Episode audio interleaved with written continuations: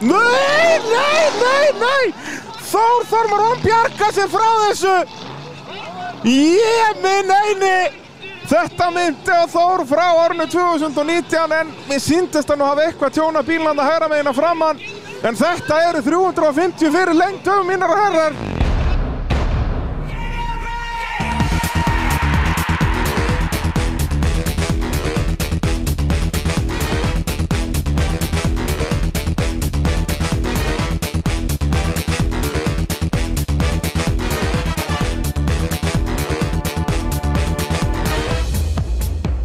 Jú, það er mótorvarpið sem að heilsar í 121. skiptið í Nóa Sirius stúdíu og podcastöðurinnar í bóði Abja Varahluta, Bíljöfurs, Bílapunktsins, Ólís og tækjaflutninga Norðurlands. Og eh, já, það er torfæran sem að vera umræðið efni dagsins. Sindara torfæran fór fram um helgina fyrstu tvær umferðir Íslandsmeistaramótsins og hinga til mín er þá komin eh, okkar eini sanni Jakob Sesil til að eh, já, fara yfir þessa keppni. Komdu sætt að blessaður Jakob. blessaður Þetta var, uh, þetta var hörku torfæra, Já, bara virkilega gott sko. er það ekki? Jú. Að, hérna, brautirna góðar, slagurinn náttúrulega rosalegur. Já, mjög mikil sko Já, og það er svona alveg það sem við byggumst við, svona þegar við horfðum á skráningalistan að, að það er það eins og tæft á milli manna. Já, man, þessi keppni hafði runni bara allt bara nýju bílar og forvöndilegt og mikill slagur og bara allt að gerast sko. Já, og þú veist alveg óvænt úslit, ég held í báða dagana, það var þarna fólk á, á velunapalli sem að við kannski byggumst ekkert alveg við. Nei, Að, hérna, þannig að já, eins og þú segir, og geggju tilþrif báða dagana. já, og uh, já, svo bara hella skilur áinn og mýrin og tímabreytir og veistla já, bara þetta basic já, getur ekki klikkað sko þannig að við ætlum að fara svolítið yfir keppnina núna bara svolítið braut fyrir braut og uh, síðan hér í já, þegar við erum búinir að því ætlum við að heyra í svona helstu keppendum Það erum- Ég er búin að húka hérna mínum telefónu uppi við græjuna og ég veit ekki hvað og hvað, búin að tengjast blátöninni og ég veit ekki hvað og hvað, þannig að við getum farið að uh, Já, ætlum að heyra svona í þessum uh, ökuminu sem voru að lenda á veljarnapalli og kannski einhvern okkur viðbót ef við höfum tíma til. Já, Er það ekki dásanlegt plan? mér líst vel að það. Það er svolítið svonleis. Uh, þá byrjum við bara í fyrstu braut á laugadeginum. Uh, það var náttúrulega stór braut fyrir okkur því að við lögðum þá braut, Jakob. Heldur betur Það var svona, maður, maður svona skilur betur brautar svona lagningamenn eftir að þegar maður er búinn að prófa þetta sko. Já, þetta er fjandi erfitt. Já, og líka bara svona stressið að hvernig brautin mun keirast Já.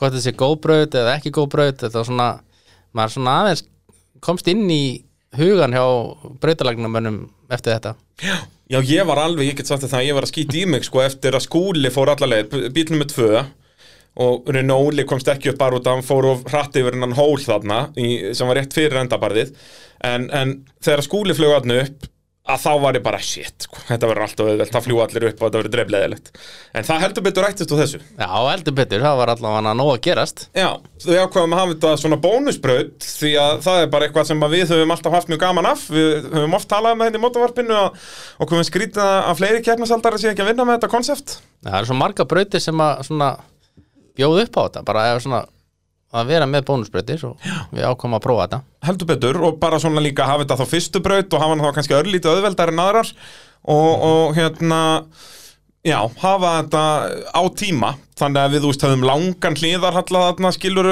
ekki svo erfiðan hliðarhalla, höfum bara breið hlið og, og allt svona en, en En voru nú að taka einhverja stikkur að ná svona þannig að- já, fyrsta beigjan hann niður uh, hún var krefjandi en það voru svo sem nánast engir ökum en eitthvað að keiri þetta eins og bónusbraut Nei, það var svona einn og einn svona sem að Já. maður sá að að hluta til í brautinni sko Ingi Már aðalega kannski, hann Já. tók uh, smá hraða í þessu skúli líka svo sem Já, skúlinn átt að náði besta tímanum hana Já, það, uh, hérna, hendaði vel fyrir hann, en ég er svo sem alveg sammála því, sko, ef ég væri ökumaður, myndi ég ekki drífa mig í bónusbraut. Nei, ekkert eitthvað rosalega maður myndi samt hafa hann aðeins í huga Já, svona, Svona- þegar þú getur, þú veist, eins og þarna þegar þú ert uppi að snúa við. eitthvað sem að þú veist ekki, eins og upp að snúa við og svona eitthvað svona sem þú þarft ekki mikið að hugsa um þannig Já. all, allt þetta, en síðan um leið og þú ert að fara í gegn merfið leið og eitthvað myndum að þetta er ekki nógu mikið á bónustum eins og þú fær sko. þetta eru bara 50 stig fyrir besta tíma þetta þyrft að vera eitthvað þú 100 veist, Mm. stig já, allavega. 100, 200 eitthvað svoleiðis og síðan bara kannski niður um 30-40 fyrir sætin fyrir tíma eða eitthvað þannig að þetta væri Mögulega mögulega bara 150 svo 150 jafnvel Já, eitthvað svoleiðið sko, þannig að þetta væri alvöru velun Já. fyrir að ná hraðasta tíma og þá var líka gaman að hafa brautina þá bara enn auðveldari, þú veist, þetta náttúrulega kom Já, allavega sko, þegar við vorum að leggja brautina þá held ég að fyrsta barðið yrði erfiðar en lokabarðið Já, já, Fyrsta barðið var ekki einu sinni barð, þeir bara, þetta var bara brekka, þeir kerðu bara upp Þannig að- að, já, þetta var ansið strempið en að lokum að þá var þetta nánastinn fullkomna torfarabraut já Við tölum alltaf um það að, að fullkomna brautin er sko eh, ef að enginn kemst nema einn og þarna komst enginn nema þrýr. Já, Þannig að það er bara helviti gott og settu upp náttúrulega mjög áhugaverðan dag þar sem það voru þrýr þarna í toppslagnum með rúmlega 100 stiga á alla aðra í foskot en svo náttúrulega byrjuðu þessi þrýr að gera mistök og, og já, þetta þróaðist mjög skemmtilega. já, fengum veldur þarna og tilþræðavölinni á þessum degi voru í brautinni nummer 1 Nákvæmlega, þannig að það hlýtur að vera gott stiga okkur þar. Það var alltaf að gerast í þetta Allt að gerast, það var náttúrulega Svanur Örd sem tók tilþrifun. Heldur betur Ah. Rosalega velta. Þarna, þetta var nú ekki velta en, en Já, e- e- nei, veltibúri snert aldrei Nei, en hann nei, nei. f- vissulega fór uh, ring Já En þetta, þarna þekkti maður Þarna þekkti maður svan sko Já, mættur bara í fyrstu braut bílinn loksins í lægi Já. og hann tekur þetta bara, þetta var mjög keimlíkt og hérna í stapafellinu 2015 Já, þannig Þetta að var- maður velti ekki Nei, hann velta ekki, sko, en þá líka ef, hann, ef það hafði verið í apsletta, sko, þar sem hann lendir þar að þá hafði hann ekki oltið, sko Já, já. Í stapafellinu, en, en lendir líka bara mjúkt og kerir í burtu bara, þetta var bara dásamlegt Já, það var nú eitthvað tjón held ég á honum samt Já, er það ekki eitthvað örlítið? Eitthvað þarna í framhásingu og eitthvað En hérna, já, já, og svo hérna Jón Reynir, við munum hring- heyra í honum á eftir, mm. nýliðin á, á Thunderbolt, Mhm. Já. hann velti þarna líka, alveg Já, Mhm. nokkuð já. harkalega, hliðin fór í steik og, og mér skilst á, á internetunum hann að við rifbeinsbrotna þarna. Já, ég sá það mitt líka í dag Já, las það, en, en kerði samt alla kettnar þá báðar Það er vir- rifbeinsbrotna. Það er virkilega vel gert samt sko. Já, heldur betur og, og sérstaklega með árangurinn á, á setnindeginum En uh, Já, þessi þrýr sem að kláruðu breytina Það var uh, Þór Þormar á, á Raptor Kemur hann inn á, á nýjum bíl og, og byrjaði stert Já, Og bílinn náttúrulega geggjaður já, mjög skemmtilegur Skemmtilegur bíll Já Hann er svona, það er svona öðru sér hreyfingar í honum Algjörlega, hvernig hann bara svona fjadrar og náttúrulega er svona pingu lítill eiginlega sko Svona aðeins stittri og eins samtalið fárónlega lár og, og, og bíllinn sjálfur náttúrulega mjög lítill Lítur það nú út og það náttúrulega báðar hásingarnar eru í rauninni framhásingin er fyrir framan allan bílinn og afturhásingin fyrir aftan allan bílinn Það er að segja að þú veist bílinn, þá tala ég um rörin Þannig að, að virkilega skemmtilegu bíl og skemmtilega hreyfingar og, og Þór Þormar fór hann að beinti í toppslægin uh, fekk 295 stig uh, Haukur Viðar fer alla leið uh, fær 320 og svo var það skúli á Simba sem að þá leiti keppnina þarna með 340 stig Já, eftir fyrstu braut þannig að það er svo haugur náði samt eh, Þór Þormar náði miklu betri tíma en haugur en bara Þór Þormar tók dálítið mikla refsingu bara Já, hann fjær þarna 80 alveg, stíð í mínus sko það er hansi blóðugt sko.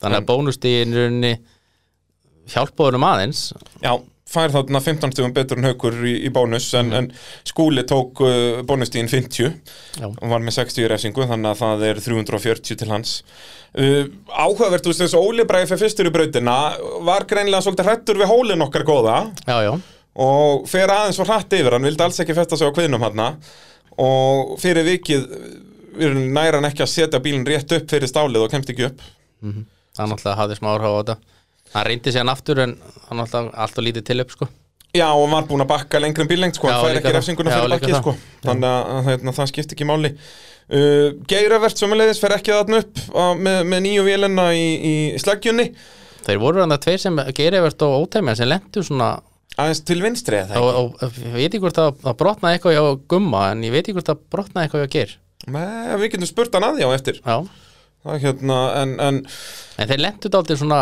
illa í barðinu já, þannig að þeir fór stukkuðila til vinstri akkurat og í rauninni mistu af endahliðinu Mhm. þó fóru svona hálpartin upp á kantinn í rauninni þannig að, eh, já, svoleiðis var staðan eftir fyrstu braut, eða þá ekki skella okkur beint bara í braut nummer 2 hann séðan alltaf tók fjölni núna og helviti flott frontflip alveg rétt maður eða front, hann fór alltaf næst, hann fór alltaf hann upp á tvö hjól já, fór hérna, með flott tilþrif já, það er svolítið svoleiðis þegar hann er að fara þarna Upp- niður nei upp hérna barðið sem að enginn átti að komast upp hjá okkur Alveg rétt, fyrsta barðið Já.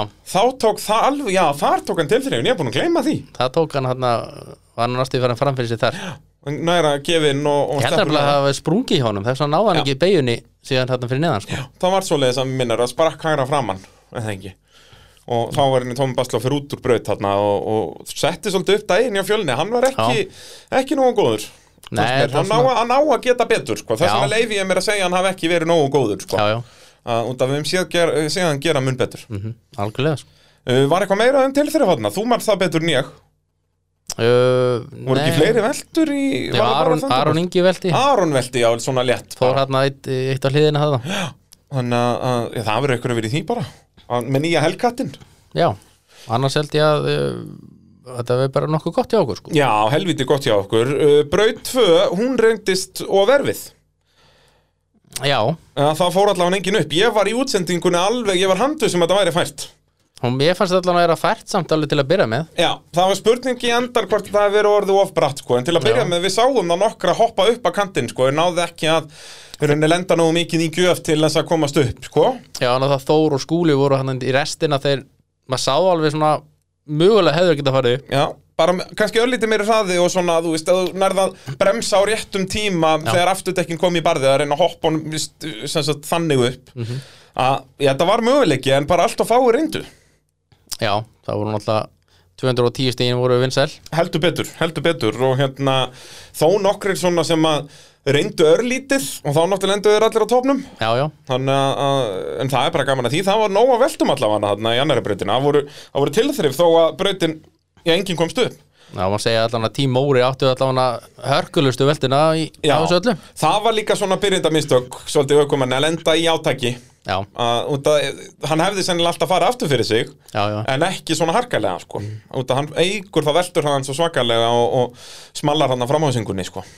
já, en, en já, það er eins og það er já, já en hann að það var flott tilurinn svona þannig Al- Algjörlega, algjörlega og, og þannig að staðan þannig í rauninni breyttist ekki mikið eftir allar þessar veltur og þetta dót að, að hérna skúli uh, leiti enn og, og svo fylgduður Haukur Viðar og, og Þór Þormar já, og uh, þá var Sigurður Ingi komin upp í fjörða eða var hann ennþá fjörði ég held að hann hafi verið ennþá fjörði já, og, og fór þetta líka refsi laust sem sagt 210 refsi laust þannig að Og eh, það magnaði Siggi, sko, hann var refsilaus í fyrstu tveim bröðunum og hann var refsilaus í fyrstu líka Já. en hann er alltaf að passa sig á dekkjunum heldur Petur og við Eða fengum stíkunum. bara að sjá allt annan sigga sko Já, hann var frábær um helgina hann var bara alveg og yfirvegaður og bara flottur akstur sko það var bara þarna hvað var það fjórðabrautin annan daginn eða þriðja sem hann fyrir fyrstur í þriðja annan daginn Já, þegar hann hann festist næstum því og allt Já, svona já, já. freka plebalegt hann en, en við kannski ræðum þetta betur við sigga á eftir jú, jú, Það er svolítið svo leiðis Þriðja brautin, það var þá fyrsta tíma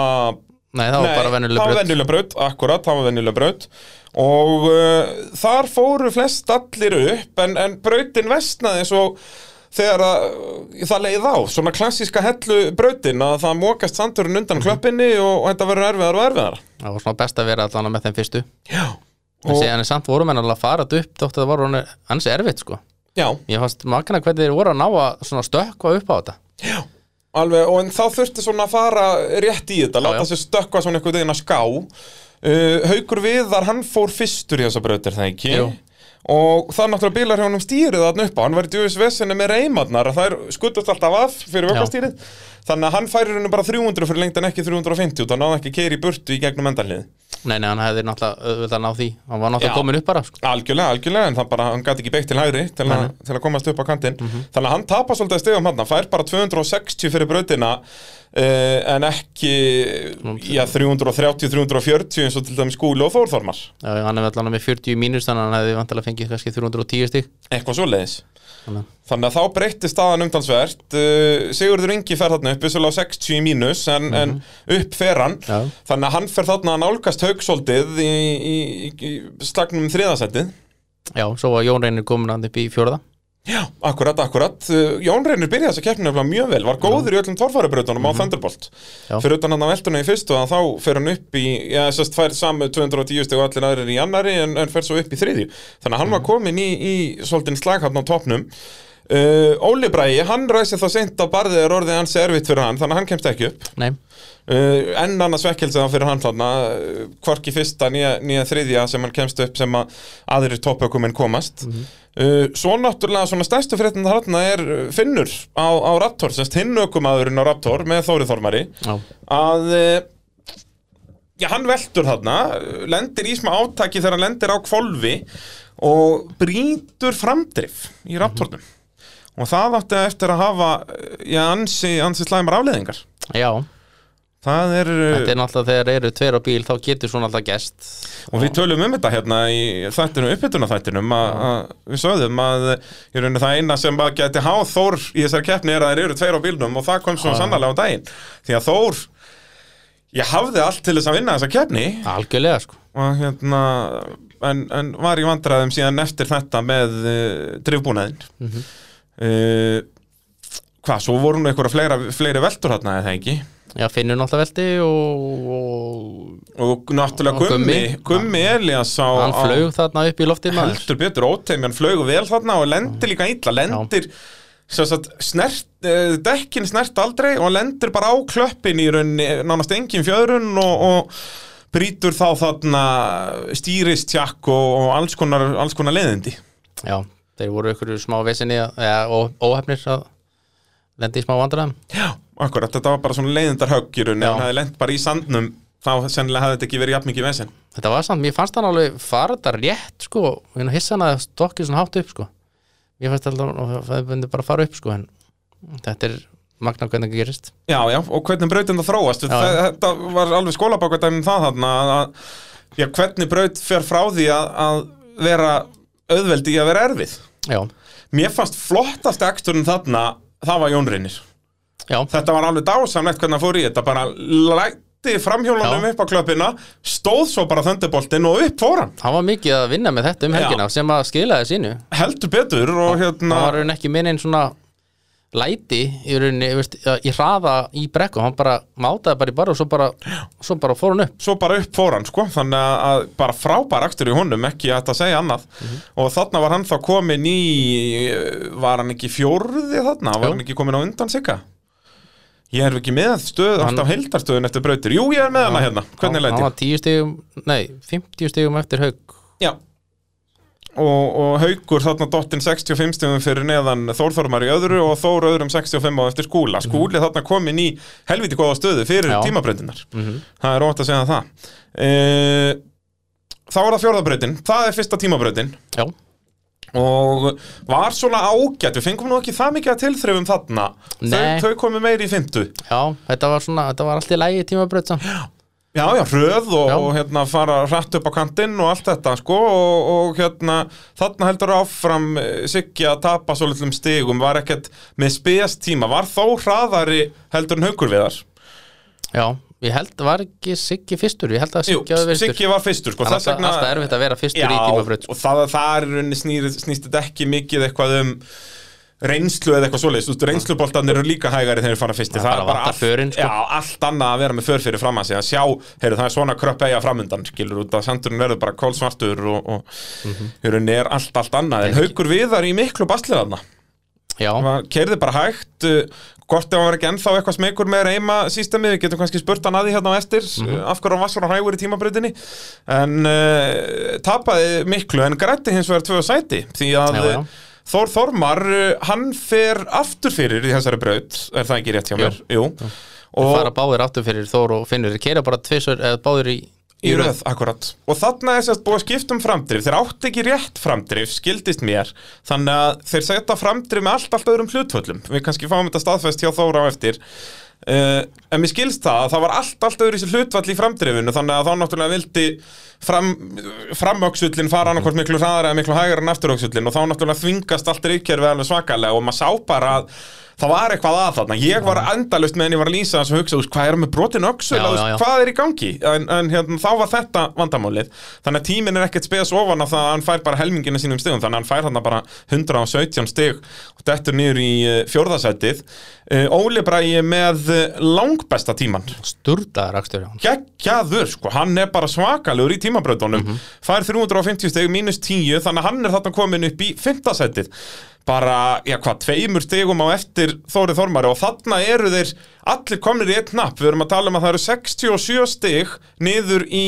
uh, sjötta sætið Já, Unda þar var skúli, fórustu söðurinn hann dettur niður í sjötta sætið eða jafn Ólabræði í fymta hann alltaf bara fekk 50 stig Já, það var gamla góða reyminn Já, á fyrir keflablásaranna, hún uh, fór bara í klessu, hann var með geggjaðan nægstur þanga til heldur betur Hann hefði auðvitað verið með svipaðan tíma á Ólubræði ef, að- ef hann, þetta hefði ekki gerst og þetta fer í samt svona hann er að stökkva hann Já. Mhm. yfir veginn og þá fer þetta þannig að spurning ef hann hafði tekið aðeins meira rólega út af eins og segja, hann var með 65 stegan fórskot, þarna var haukur búin að fara í brautin ef ég mann rétt Já, er það ekki rétt hjá mér? ég Eru við með- með ég stöðum? með einhvers staðar? rásröðuna eftir hérna uh, Sko, haugur fer með þeim síðustu skúlu okay. Ok. að fara hann undan Ok, skúli fór á undan En allavega skúli var með ágætis fórskot Hefði kannski ekki þurft að taka svona mikið á því En, en fannst hann kannski þurfa þess uh, Já. Með svona fástig eða, sem sagt, já, Svona fástig í annarsæti Þannig að já, hann, eins og ég segi, dettur, dettur niður í sjötta sæti En þarna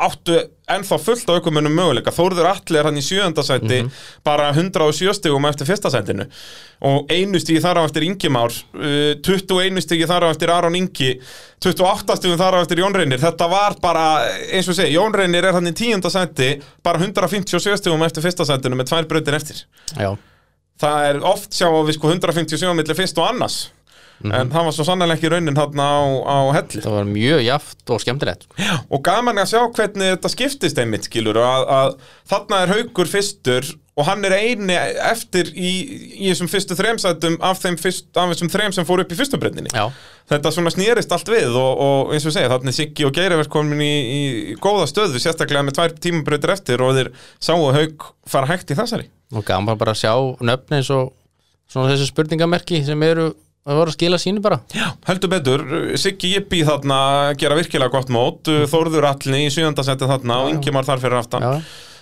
og Aron Ingi og Jón Reynir og eins og ég segi allir, allir sem upp svona sem að við vorum ekki endilega að spá í topp 3 en gætu svona verið í topp 5 já og gæti mögulega að slýsast alltaf í verðunlapall Já, ef eitthvað mikið eins og, gerist eins og sko. gerist náttúrulega heldur betur uh, þá fyrir við verið fymtubraut á uh, fyrsta degi og þá fengum við nú meiri tilþrif Já, já, það var allt að gera stanna, ég var að byrja á uh, okkar allra besta ólabraga já það endaði nú ekki vel Nei, en ef hann hefði nú ekki klúrað þessu þá var hann örgulega náð langt besta tímanum ég held það, hann var alveg stöppu geðugur og þarna það er, má, það er eiginlega hægt að segja það ef hann hefði klárað þessa braut þá hefði hann unnið þessa gefni Já, hann var ekki nema 67 stigum eftir haug Já. og hann hefði náð hann einhverjum hafði stigum leikandi þarna. náð því, þeim stegum af haugirunni og svo náttúrulega eins og hann kerði síðustu brautina þá náttúrulega frábærlega þá náttúrulega hefði hann bara unnið þessa gefni Haukur er þarna á einni mínútu og tveimur sekundum í, í þessari tímabraut þú veist, Óli Bræði við erum að tala um að besti tímin er sko 55,25 hjá Gerivert Já, já. Óli hafði allan að vera á pari við það ef ekki betra Já, þannig það að var sturla flott í hann hanga til rosalegu rakstur sko. þannig að hann hefði tekið þarna sennilega 90 stiga af hauki Já, og, og það var leikandi nót til að komast upp fyrir en ef og hefði, það er Já, já. alltaf, alltaf gaman að því í tólfárinni sko. það er alltaf gaman sko já, já, en, en já, magnaður rakstur í Óla Bræði þarna hann, þangað til var, að hann var svo ofinn bara hvernig bílinn hoppaði þarna Já. svo misti hann bara stjórn sko og þá reynir hann að beigja til hægri í raunin en ekki Já. Mhm. taka vinstri uppeyju og, og þá fer skíturinn í viltuna Já, e, þannig að hann var þarna endalega dottinn úr toppslagnum dettur niður í tíundasætið við þetta e, en svo verður slagurinn á toppnum bara enn harðari þarna dettur haukur viðar niður í fjórðasætið en er bara 37 stugum fyrir aftan geirivert já, Uh, Geir leiðir, Þórþormar upp í annarsætið, uh, bara 25 stugum eftir Geir, þó þrátt fyrir að þurft að fara aftur fyrir hann í brautina á undan og með bílinn svona hálf eh, skrítin mm -hmm. Siggi dottinir í þriðasætið, uh, bara fjórum stugum eftir Þórþormar, þetta var rosalegur slagur Haukur Viðar 37 stugum eftir Geirivert í fyrsta sætinu svo er Ingimar Björnsson komin uh, þarna upp virkilega flottur akstur í honum með uh, næst besta tíma Já. Nei, þriðja besta, þeir voru að allir Þetta var 55,25, 55,53 og 55,84 Þetta það þeir var voru allir rosalega jafti, jafti tímum sko Heldur betur, heldur En það betur fengu eitthvað 350, 347 og 344 stík Já, basically bara það sama Já. Þannig að Ingimar er komin upp í fintasætið, Aron Ingi komin upp í sjötta eftir uh, fínasta tíma, 57,28 Þórður Atli aðeins ægari 59,5 þannig að hann heldur sjöndasætinu og Jón Reynir þar fyrir aftan á Thunderbolt og Jón Reynir náttúrulega var búin að vera hann í toppslagnum eh, uh, fyrirfram eða svona að, að, að nálægt í, var í fjórðasæti en, en Tímabrautunar voru ekki vinnir hans Nei, maður skilur hann samt ég held að sé hann heldur auðvitað að hann hafi farið auðvitað hratt sko. Já, Ég, en, en, en bara- þetta, er bara, þetta er bara kemur mér einslinni sko. þetta er akkurat svona það sem við sjáum að nýliðar, það er mjög sjálfgæft sem maður sé nýliða mastera tímabreytur Já. strax og eins og sérstaklega þarna ef hann hefur verið með brotið yfbein líka við Já, kannski já. Mhm. heyrum í honum með þetta á eftir að þú veist, það er ekki þægilegt að vera og að vera að reyna að kera þetta hratt sko, Já, í minnsta svona, högg og- í svona aksjóni í svona Já. miklum tímabrautunum alltaf, það- þetta- tímabrautan hljóta að taka rosalega á Ég held líka mann það- bara Ég held það að keira þessa bíla hratt Já. Þú veist, með þetta stýri og, og svona kannski hoppandi ekki og góða hoppandi og bremsur og- skoppandi og út um allt sko. Það er vesen held ég sko svo beigjur og, og svona þetta, þetta tekur hellings áhaldi sko. Já, og líka þú veist út að þetta eru svo fáir ringir borð í borð að að- já, þetta eru runni bara kannski einn ringur borð í borð eða eitthvað eins í bílar og beigja náttúrulega leggja svakalega á og í bótt gjöf Þú veist, það er mjög auðvelt að missa stjórna á þessum apparöndum sko já, algjörlega maður nú sé það í bregnum tíðina sko. bara minnsta hreyfinga stýrinu og bílinn er búin að snúast uh, Skúli, þarna var þann frá að hverfa já, var eh, aftur byrjaði mjög hratt tímabrautina var alveg snældu óður keiri það virkilega vel sko. já, og lendir svo svaka lítla þannig stekkur fram á kantinum út að það er smá hóla þarna og hann endar í rauninni, lendir á öðrum stökkpall í rauninni og Já. alveg sem sagt fær þetta beint á kviðin í rauninni á bílnum fjöðurinn næri ekki að geta þetta nógu vel og, og hann fær þarna í rauninni já, slikka á bakið það, já, högg undir miðan bíl og fann til í baki ég held að hann hafi mista andan í smástund Já, líka ég held að þetta er eins og gerist fyrir Gísla G á Egilstöðum að Já. út af þegar líka með fær svona högg að þá bara Já. þetta er alveg ábygglega ótrúlega þægilegt já, og, og enda kallaði hann strax á hjálp hana og, og svo hjálp kom fljótt og, og magnaði sig á skúla líka bara að mæta daginn eftir já. Bara, eins, sko, bara flott að það fór ekki, eins- fór ekki verið heldur en maður held kannski fór í alls konar myndatökur og dóttöndum kvöldið og, og það reyndist í lagi með kappan og, og bara frábæra fréttir að, að það verið leiða með hann eftir þetta högg sko. uh, Já, erum við þá ekki fymtabrautin tildulega komin uh, jú, er eitthvað sem við erum að gleyma? nei, þetta var bara fínasta tímabröð og Já, þetta var virkilega, hún var Svona. skil, betri en, en fjórðabrautin að Já. mínum mati og hérna, og líka bara svona klassíska hellan hátna með uppeigun í hliðinni og allt þetta, já, þetta, þetta- já, allt eins og við vildum hafa það var þetta svona tvær tímabröður röð svona, mér fannst það alltaf lægi samt alveg Svona Já, þannig. já, það slapp alveg til, þú veist, eins og, þú veist, ég er frekar torfarabrauta með inn í Já, já. tilverunni, sko en, en þetta slapp alveg og líka fínt að hafa er það bara allar þarna og svo það færri daginn eftir, skilur, að þetta Já, já. gefur líka okkur mönnum þá að tækifæra og setja bílan upp einhvern veginn öðruvísi og, og og það Svona. svona... fyrstundu tími í tímabrautina sko, sem sagt að veist, að milli brauta, þannig Já. að þetta var bara hægt að byrja hana bara strax eftir og búið að gera allt og, Akkurat, Allt ready. klukkan reddi og allt þetta dót, sko. þannig að þetta var bara ágætt hjá þeim sko. Uh, sjötta og síðasta brautin á lögadeginum það var áinn og uh, keirt á móti strömi Mhm. þetta var eins og við gískuðum á að þeir ætlaði að keira hana sérst ekki alveg endilanga út af hún er svo djúb þar sko, þeir beigða Já, já. hana til vinstri aðeins fyrr og þetta reyndist nú bara strambi erfitt fyrir uh, ökumenn er þetta ekki bara þeir eru bara þrýr sem að fljóta almennilega yfir já, eða hvað, nei, Nei, þó já. Þormar fer almennilega tappaðan, nei, nei, nei, hann, var með hann, allt með vesen þetta eru bara þrýr allan ef maður horfður á Eða tíman fjó, þetta var, neða, fjölnir flöt vel yfir, hann bara stoppaði þarna Alveg rétt hann lendi á að drapa bílnum eða Já, eitthvað En hann flýtur síðan vel yfir, Já. það er góð punktur Hann hérna, eh, drapa bílnum bara hann á milli eða það ekki jú, eitthvað svo leys, eh, upp úr fyrstusbræninni já og síðan flöta mjög flott yfir sko. Já uh, Haukur við með besta tíman uh, en í rauninni sem sagt, það dugði geirivert Haukur fór á undan geiri það ekki Ef ég er að muna þetta rétt jú, Já, jú Já Gerivert fór með þeim síðustu sko Haukur fór svona í miðinni akkurat og hérna það dugði, ég man að ég reiknaði þetta í útsendingunni, ég held að það dugði sko geir að vera þarna eitthvað 31 sekunda eitthvað svo leis, að þá hafði hann haldið fyrsta setinu, bara svipað tíma Þórður allir enda að fá og Þórður var nú að sprungnu þarna og eitthvað, var ekkert svo Já. hraður þannig að ef geir hefði bara keirt svo lit og náði að fljóta yfir hafði hann unnið þetta, en Já, já. þá er náttúrulega komin þessi svakalegi bakki í að, að annari sprænunni í rauninu, fara þarna yfir tvö stutt Mhm. og, og hann bara brýtur stýrisendaðana Já, þetta var hann smá bakki Siggi lendi líka í bakkanum hann Hann reyndar, snýrist á puntinum hann og reyndar lendi ekki inn í bílunum en hann lendi í bakkanum algjörlega og tapaði fullt af tíma Hann er Gerivert, já, hefði unnið að hann hefði náða bara að fara í gegnum bakk að væri ekki, eða veistu, hann bara fara í gegnum þetta já, já, bara fara aðeins rólegra og hann þarna. hefði nú líklega flotið yfir held ég með með einhvern nýju vélina sko með einhvern að fóru í fyrstu sprenn og, og setjum daginn akkurat þannig að að hérna, þannig að það var gríðarlega svekkjandi og fyrir vikið dettur hann allavega niður í sjötta setið út að náttúrulega svo svakalega dýrt að klára ekki tímabrönd já, þannig að það voru fyrstu þrýr þeir klúruðu allir tímabreytinni Já Já, nema haukur náttúrulega Já, Hauku var í fjórðarsetti fyrir Alveg brautina. rétt, alveg rétt, haukur var fjórði Hvernig Sig, lendi? Siggi var í þriða sko Siggi var þriðji og dettur niður í fynda Hann hefði náð öðru sætinu, hefði hann klárað bara solid Já. Þórður allir hefði ekki komist upp fyrir hann En fyrir vikið mitt fer Þórður allir upp úr sjöunda Í það eh, annað á einni braut og haukur úr fjórða í það fyrsta þannig að mikla sviftingar Þór Þormar eh, dettur niður í fjórðasætið missir bæði Ingemár og Þórða alla framfyrir sig þannig að eh, já, loka staða var þannig að haukur viðar sigrar Þórður allir annar og Ingemár Björnsson þriðji í, í sinni fyrstu keppni í kompakinu já, Frábært að sjá hann kera þetta þetta var rosalegt, Hva- hvað er hann þetta voru 22 ár 23 ár sem hann hafði ekki keft Ég held að hann hætt, ja, síðasta keppnars uh, 99. 98 Já, en verð það svo leist, tók, ég talaði eitthvað og hann myndi að hann hafi keft kannski eina keppni 99, er það bull?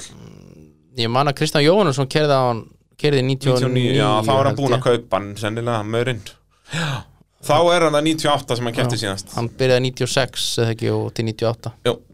Já, þetta eru þrjú ár sem hann kerir Verður heimsbyggarmeistari 97 Það er sennilega, já, við þurfum, þegar við ringjum í hann á eftir Það er að fyrsta sem við segjum Komdu satt að blessaður heimsbyggarmeistari 97 Ég, ég fekk ekki, va- Bessi sagði þetta aldrei neitt um helgina sko Nú, hvustlags eiginlega Nei, ég held að hann að setja ykkur einstu brutt Hann baða hann um það sko Já, það ekki, það er, það er líkilatriði sko En þetta var þetta náttúrulega frábær frábær titill hjá hann sko.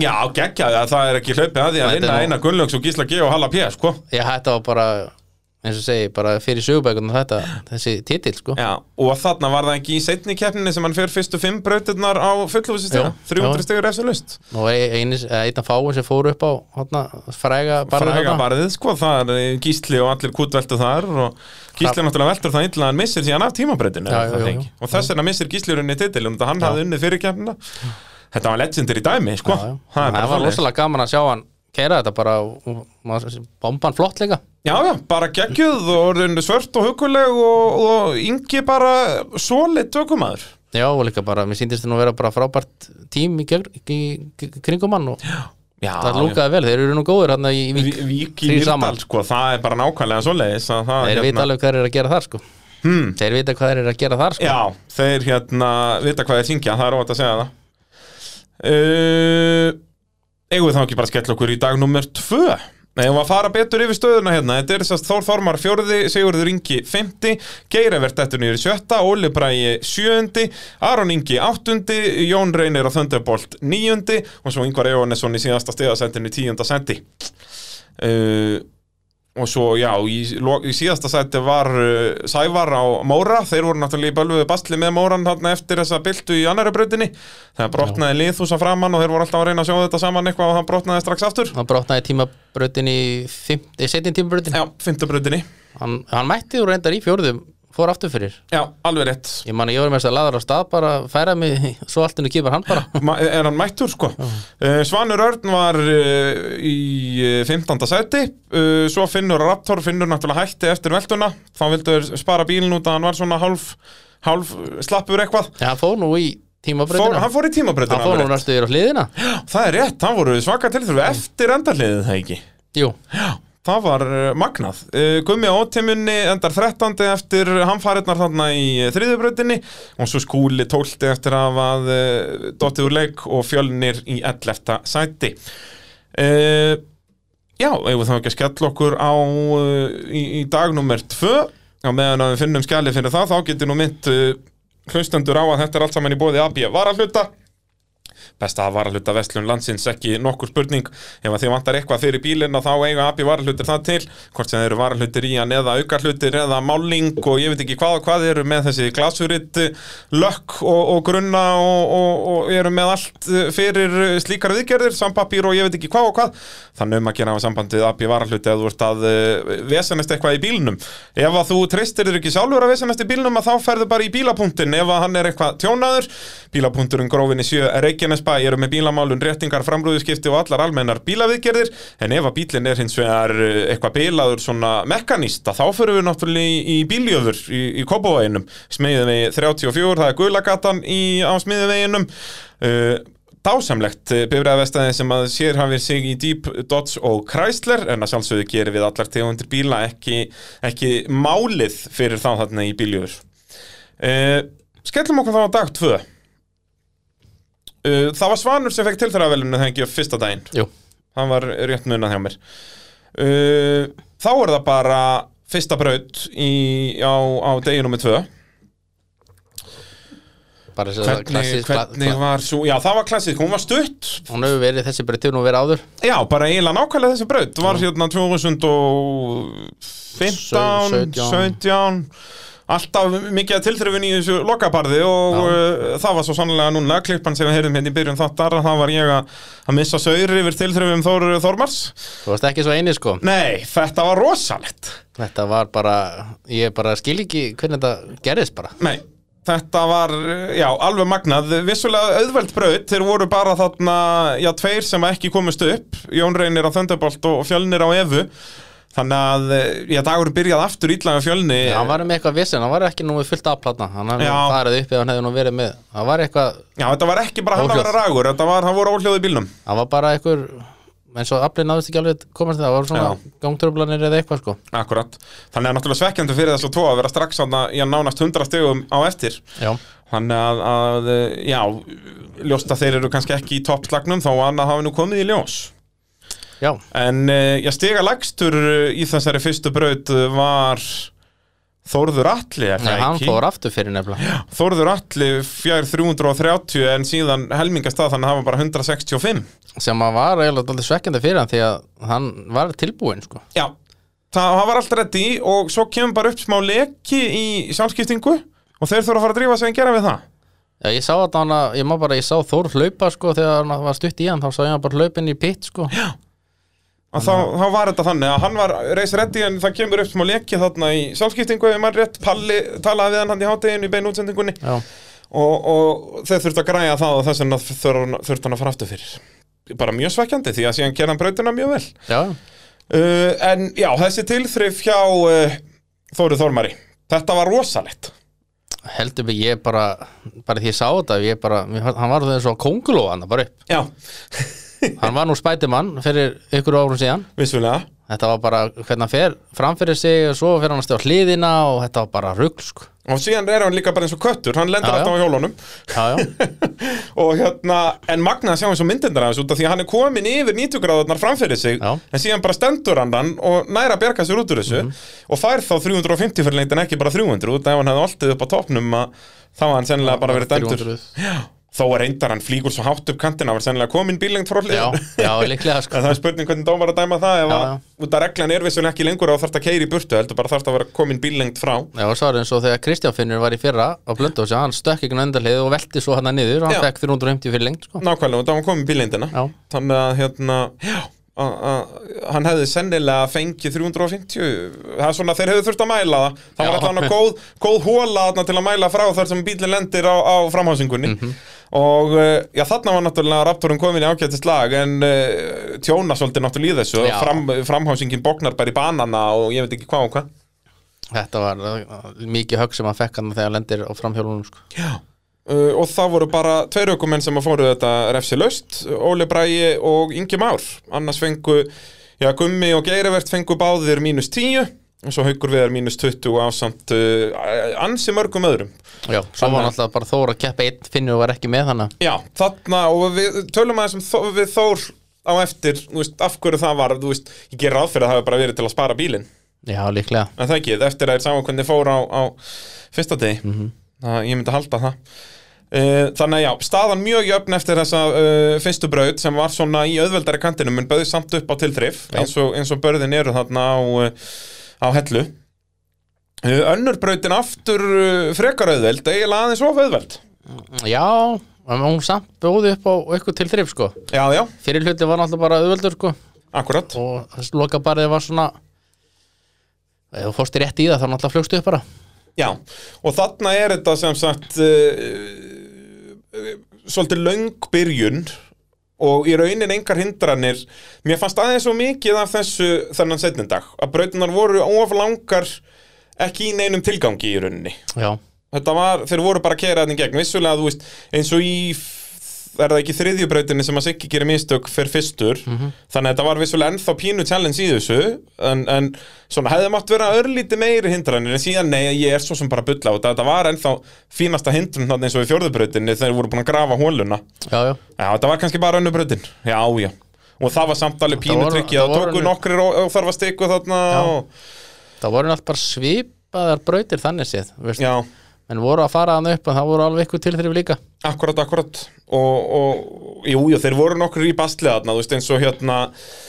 Var það ekki Ingimár sem fer aðeins svo langt til vinstri Í fyrsta barðinu hann í annari brautinni hann veltir í annar brautinni Hann velt, jú, alveg rétt Hann Út að og- loka barðið, jú, ég er að ruggla brautum saman hérna Jú, loka barðið þarna var bauðubálu til Já, þrif já. Það varð verra og verra í rauninni já, Ingvar og, og Ingimár veltuð þarna undir lokin og Þórður Atli flýgur hann upp með miklum til þröfun, svona hermdi svolítið eftir Þór Já. lendir alveg á tríninu en kannski ekki alveg jafn mikið en alveg allavega sprengið dekk og, og tjónast eitthvað þannig að jú, jú, þetta var hörkubraut ég var, að, Já. ég var að mismuna þetta eitthvað, ég er í tómurugli hérna það var þriðja og fjórða sem voru mjög líkar í rauninni og það er hann að var austarigilinu alveg rétt jú, þetta var hörkubraut og, og hérna vissulega aftur svolítið margir með 3.50 út af því að þessi brautirunni vestnaði en gerði það bara svolítið seint já, í rauninni Þetta sko hafði verið agalegt að það hafði bara verið tíu bílar í keppnin út og þá hafði allir farið upp og, og ekkert vesen en það var hann í kringum tíunda bíl sem að þetta byrjaði að vera svolítið ókleift sko eða þú Já. þurftir þá að fara í þetta rétt getum orðað það þannig já, þú þurfti bara að ná hraðanum þá flögst upp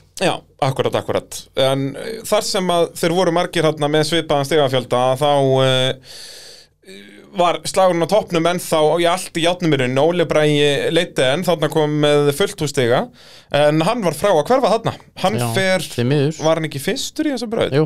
Já, fyrir fyrstur í brautina og lendir mjög illa þarna upp á kantinum og uh, þarf að fara í sjúkrabíl af, af svaðinu fer vissulega sér alveg út úr bílnum og allt svo leiðis en, en fann til í, var það ekki í bakið?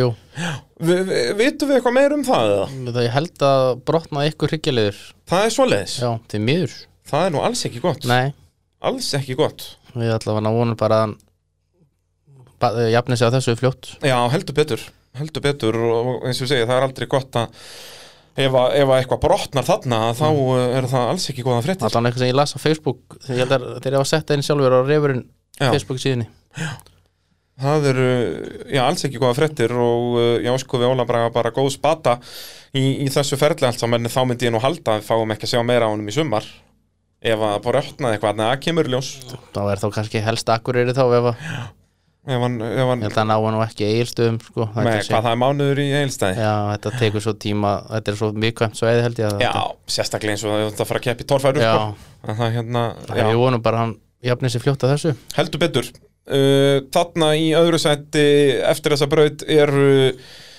já hvað, einhverjir fimm ökumenn eitthvað svoleiðis, uh, Haukur Viðar Aron Ingi, Geirivert, Skúli og Þór Þormar uh, og Siggi Jippi ennþá þarna í slagnum en svo allir þar fyrir aftan eru ökumenn sem að komist ekki upp aðra hvora brautina uh, Jón reynir aftur fyrir gullfalli upp hann í annari brautinni Já, og uh, nær því að bæta upp fyrir mistökin í fyrstu breytinni en Gummi á ótiminni fer ekki upp uh, Ingimar fer ekki upp eins og við tölum að hann velti bílnum hann uh, Fjölnir aftur fer ekki upp þannig að hann er búinn að ég klúðra fyrstu tveimu breytunum og á því ja, enn minni möguleika á, á uh, toppsætti þarna og uh, já, Sævara einmitt að Móra, hann gerir smá byrjundamistök hann já hann fór eitthvað á langt í vinstri þarna í, Já. í fyrsta barðinu já. sem að allir komast upp sko, þannig að- Alveg rétt, en þar var einmitt En var hann ekki bara með eitthvað- Ingimar í smá basli, hann tekur stikun Já. á 40 þar manni sem En er svona var hann óþarfi. ekki bara með eitthvað brotið hann, þarna sævar Gæti verið að bara vinstra framöksull eða eitthvað hafi brotnað og hann hafi leitað svona til vinstri sko. Já. en þetta eru dýrmætt stig sem hann missar þarna hann fær bara 50 stig út af brautinni hefði hann, já kannski verið fyrr eða eitthvað svona hefði hann fengið þessi 350 þetta eru já 300 stig sem honum vantar Já, að þá hafa nú heldur betur unnið sér upp listan sko ef við reiknum þetta ef hann sko það hann endaði til til ofalega eftir Já, sko já, góðan endi endi í sjötta sæti sko með sko þessi 300 stig sem honum vantaði þarna þá hafði hann endað með 1730 sem hafði sett hann í þriðasendi Já, á undan Jónirinni já þannig að, já, ég ekki trúa því að hann saknaði þess að 300 stega ansi mikið og, og svona ég held að hann hefði örgulega bara mögulega farið hann upp sko Já, og sérstaklega hún hefði verið snemma og Já. þetta, hann var alls ekkert hann var gaman að fylgjast með Hann var- e- Sævari sem aukumenn út að hann er ekkert eitthvað ragur sko, þú veist, Nei, hann nei. er samt svona tiltölulega skinsamur Já, þannig að, hann var reyndar með þeim síðustu í brautina já, þannig að það er nú kannski verið strempið að fara allalið En hann hefði samt að allan að verið eitthvað upp í topp 5 Já, Nei, hann var hvað í sjötta eða? 15. og 7. Við kannski förum við betur yfir það þegar að þara kemur Hann var í sjötta, þannig að já. Það hefði fyrir kannski 50, 40, eitthvað Já. svo leins uh, Er ykkur uh, fleiri andrið sem missa af uh, gleyma í- úr annari brautinni? Nei, ég held að bara Ég Held ekki, það, það var var... flestir hann það flott upp og Já. stökku flott og stökk og flott og, og líf og Yngvar fjör og, Yngvar og Ingimar tóku einu, tvær veltunar í keppninni Já, alveg rétt, já. Það voru ekkert fleiri veltur uh, Nei. hérna á sunnudaginn. Nei, það voru bara þessar tvær Ég bara, það fór alveg fram hjá mér. Út af það Það var svo slagur var spennandi. svo, já, slagur, ég var bara á kafi í Excel að rekna hver get unnið og allt þetta, sko. Náttúrulega vatni og mýrin alltaf sér síning, sko. Já, já, en maður sér samt hvað tímabröðunar getur verið svona mikilvægar í baráttunni út af því að þarna eru mjög margi jafnir en Já. leiðu að kemur einn tímabröð þá svona sprúndrast þetta aðeins til sko. Nákvæmlega, sko, þá eru náttúrulega nánast enga líkur Ekki- ekkur er jafn, sko. Já, ekki það sé alltaf þessi svaka tiltrif alltaf í tímabröðuna þá er það samt mikilvægar upp á bara á keppnina sjálfar sko. Ég segi það, að hafa, Þá þarf- það verður alltaf að vera ein sko. algjörlega, þetta algjörlega. var ein, alltaf áin, áin var tímabröð áhenn á tímabraut uh, en uh, þarna sérst eftir aðra brautina þá var uh, gert hátegðislið og þá var virkilega gaman uh, í bein útsendinguna, þá fór Palli alveg eins og á lögadeginum á, á milli liða að taka viðtöl okkar allra besti Palli Rolla og uh, það var svona eiginlega áhugaverð þetta viðtalið þarna var eh, við Þór og hans menn uh, réttar að bara Binni Sjött tók þetta á sig sko, okkar allra besti og hérna var að útskýra hvað var á þetta það var allt í, í skrúin hjá þeim náttúrulega Já, Hann var uh, bógin framhásingi eftir fyrstu brautina Náði samt að keira þarna aðra brautina Já, já, Með var- þetta hálf bógi En þeir töluðu um að bara Hann var bara tó inn Þetta var svo Já, bóið já. b- b- að Framan að hann var ekkert hægt að stýra þess að viti Og ekki neitt sko það Þannig að náður þeir, nú samt fullu þessu stegðana nákvæmlega Þannig að kannski var bara vitleins að reyna að gera eitthvað við þetta Það voru þarna eh, þriðja og fjórða brautin allavega svona þannig sé auðveldar hann Já. hafði hugsanlega geta farið þarna upp en, en svo er náttúrulega í vatninu þetta kannski verið vesinn En uh, já,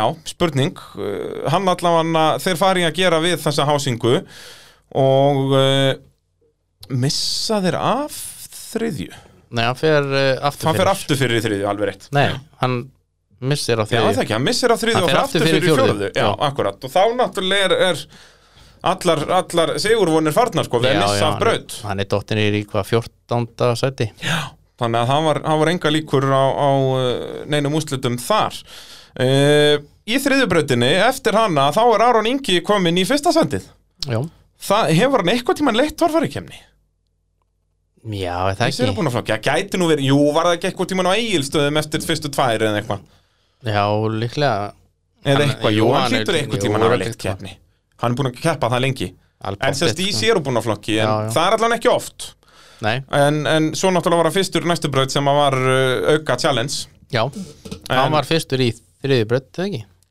Nei, var það ekki í fjórðu? Jú, Það Er, hann er aftalegi í þriðju þannig að hann var gætt séð hvernig allir gerðu þetta og gerði bara það sama og fyrir 350 stig eh, refsi laust Skúli fær 10 í mínus þannig að hann er þá bara 10 stigum eftir Aroni Haukur Veðar fær 20 í mínus þannig að hann er 20 eftir Aroni Mhm. og Geir eftir 20 í mínus þannig að hann er öðrum 10 og eftir Hauki en eh, já, þessir fjórir eru þá þarna eh, allir bara eiga mjög góðan sens á, á fyrsta seti Siggi á Jeppi er svo þarna í fynda seti eftir þessa braut og uh, Gummi á ótemjunni þar fyrir aftan Þannig að þetta var eitthvað hörkuslagur, þessi þriðabraut uh, soltið auðveld en uh, stoppaði þá einhverja, já fjölnir fer ekki aðn upp, þetta var bara alls ekkert hans helgi, sko. nei, í rauninni ekki hann, gekk ekkert hjá honum, Áin hjá hann, bátan var mjög góð geggjuð, það var vantar ekki powerið í big blockin, sko. En hérna, hann var bara Ég held að hann hafði bara verið með ekki með bíl alveg í lagi held ég. Já, var eitthvað, Þannig að það snýst allt um að hafa bílinn í lagi þá, já bara um leið og að gerist eitthvað, þá líka Já. fyrir okkur maður núr jafnvægi og Já, já. svona, þetta verður vesen. En, En- en hann maður hefur- kemur bara sterkur inn í hafnafjörðin. Já, já, maður allavega hann hefði getað kert þetta minn betur, hann getur miklu meira en þetta sko Já, algjörlega, algjörlega uh, og svo Svanur Örn, hann fór heldur ekki hann upp uh, ekki hans dagur heldur hann, uh, og Jórunni fór heldur ekki upp já alveg rétt það er, þá er hérna Jón reynir, er þetta þá ekki önnur brautin sem hann kemst ekki? hann fór ekki fyrstu nýja þriðju sko, þannig að- Sem er hans í magnað með Já. að hann endaði síðan í þriðasetti já, já, að hérna út af þannig er hann þá eh, í hvað níunda sæti já, eftir þessa fyrstu þrjár brautir það er stór magna fjórðabrautin, það var síðan meira challenge þar Já. fyrir Aron Ingi fyrstur og kemst ekki upp nei og hann var líka óöppin, þessi braut var þetta óöppin líka að vera fyrstur, sérstaklega fyrsta barið sem var neðst, hann Já. tók nú ykkur held í stíku hann Jú, tók hann ekki á 40 bara, Jú. hann kvöttaði fram hjá þessu bara til að vera viss já, og þetta er náttúrulega, við höfum talað um þetta áður hérna, sko, þessar, þessi gröfubörð eða gröfubrekkur, sko, að, að þetta er náttúrulega ósangjant hvað var það rásröð, Já. en á hellu kannski gúttir maður þetta bara út af því að það er, við höfum séð það í eiginlega öllum börðunum í þessari keppnu og þau voru ansi mörg, að þau vestnuðu alltaf, þannig af hverju þá ekki hafa bara meira af svona mókstustæmi þannig að það er, þetta jafnist meir út já, Mhm. já, hvort þú ert eh, fyrstur eða síðastur mm að á hellu er ánefa betra að fara fyrstur í lokabarðið já, algjörlega sko. Þannig að, að og Aron svona úst, hann átt alveg möguleika að fara upp og barði var sennilega best fyrir hann, hann í endan en svona tekur ekki alveg nógu mikið tilhlaup ég áttaði mikið á því, ég náttúrulega fór ekki í brautaskoðun hvað ökuminn gátu farið þarna neðalóta það var engar merkingar sko nei, þú veist, þú sáum skúla fara vel neðanlega til að byggja upp hraða og hann flög hann upp og fór hann ekki annar í brautina jú, hann fór mjög framhaldi Mhm. mér minni það að, að hérna skúli jú, hann fór fjórði eða þriðju runni þegar Finnur var ekki með já, akkurat, fer hann mjög, mjög framalega og, og eh, Geirivert var hérna á undur honum Og Geirivert tekur einmitt 40 í mínus nema skúli sleppur á 20 Þannig að, að þá var staðan hún þannig að skúli leiðir Haukur Viðar var hann í öðru sætti, hann fekk líka bara 20 í mínus Þannig að hann er orðin 10 stegum eftir eh, skúla Svo er Geirivert eh, dottinn, eh, er í þriða sætti þarna eh, 30 stegum eftir skúla í fyrsta sættinu Þannig að þeir eru ennþá þrýr þarna að berjast En Aron Ingi búin að falla vel aftur, er núna 140 eftir fyrsta sættinu og átti síðan eftir að tapa enn meira í, í ánni og mætti ekki í mýruna þannig að hann hrundi vel niður listan eftir Já. að hafa leitt keppnina þegar hún var hálnuð já, Það er- en eins og ég segi, þetta er fljótt að gerast Jón reynir gerði þetta snildarlega, fekk bara tíu í mínus og Mhm. er þá uh, komin upp í fymtasættið jafn eh, Sigga og Jippi og þetta var svona, við tölum um þetta aðeins aðan þetta var eina brautin sem að Siggi klúðraði þessa helgina já, hann fer uh, hann fer ekki f- nei, býtu, var þetta brautin sem hann klúðraði?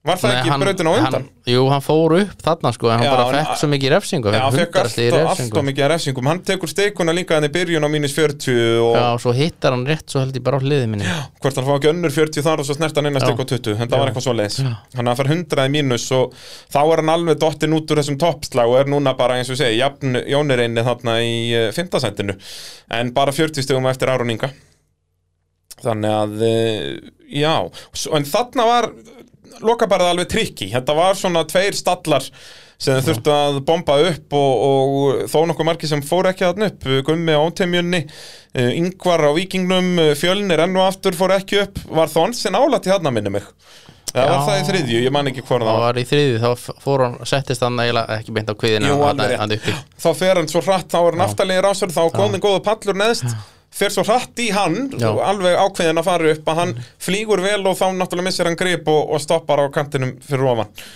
uh, Þór Þormar þurfti að fara aftur fyrir þannig að hann fekk vissulega 350 stig en 175 í mínus út að hann fær bara helmingin af, af sínum stigum fór þetta refsilaust þó hann fór aftastur Já. sem síndi nú alveg að þetta áttalega er að fært fyrir alla já, hann- og menn voru að fara annað- ímist hægra megin að vinstara megin yfirleitt hægra megin oft Já, svona það lá betur við og Já. það varst að koma þeim megin að sko og svo fór Ingimár, hann held ég að brotna afturdrifið hjá honum í, í þessari brut Já, alveg rétt, alveg rétt Já, Og þeir voru alveg að reyna að leita af hvort það var skaftið sjálft eða eh, bara einhver hjöruliskross eða eitthvað þarna voru að- að að moka í sandinum að leita að því og það gekk eitthvað misvel Við heyrum kannski betur í yngam á eftir hvað nákvæmlega gerðist þarna en, en fyrir vikið þá eh, já hvað, þetta gekk aðeins í áni en þá lent hann í vandræðum og svo brotnar skaftið aftur í mýrinni já, uh, þannig að hann var alveg dottinn út úr, út úr toppslagnum uh, áður en við förum í fymtu brautina þá skulum við taka okkur löflétt podcast hlýja, við elskum góða podcastpásu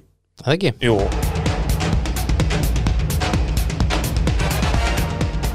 Jú, það er uh, alltaf hugulegt að taka sér löflétta pásu Kemst Já. maður á klósettið og líf og fjör Hérna, við höfum bara tvær brautir eftir já, Það er þá bara áin og mýrin það er bara aðal hellu brautinnar Það er svolítið svoleiðis hérna, Staðan fyrir þessar brautir eh, var það þannig að Skúli Kristjáns leiti er það ekki rétt hjá mér jú, uh, Haukur annar og Gerivert þriði eins og við tölum áðan uh, ekki nema 30 stíg og mitt þeirra Já, hörkuslagur um, um fyrsta sætið og uh, já, við um ekki að tala fyrst um skúla því að hann lendir í baslið þarna já, að í rauninni að hann lendir ekki beint í vandræðum skilst mér að mér skilst ef ég mann rétt úr viðtalinu sem Palli tók við hann fyrir mýrin að, að hann hefur bara ekki þórað að gefa hann alveg inn út að hann vissi að hann myndi bara tæta í sér reymina á, fyrir keflablasarinn, hann bara var að spara vildi ekki fara í bótt gjöf í rauninni já, já, já og þess vegna flýtur hann ekki yfir en nær þá, þú veist, klárar allavega fær 150 stig og er þá ennþá í þriðasendi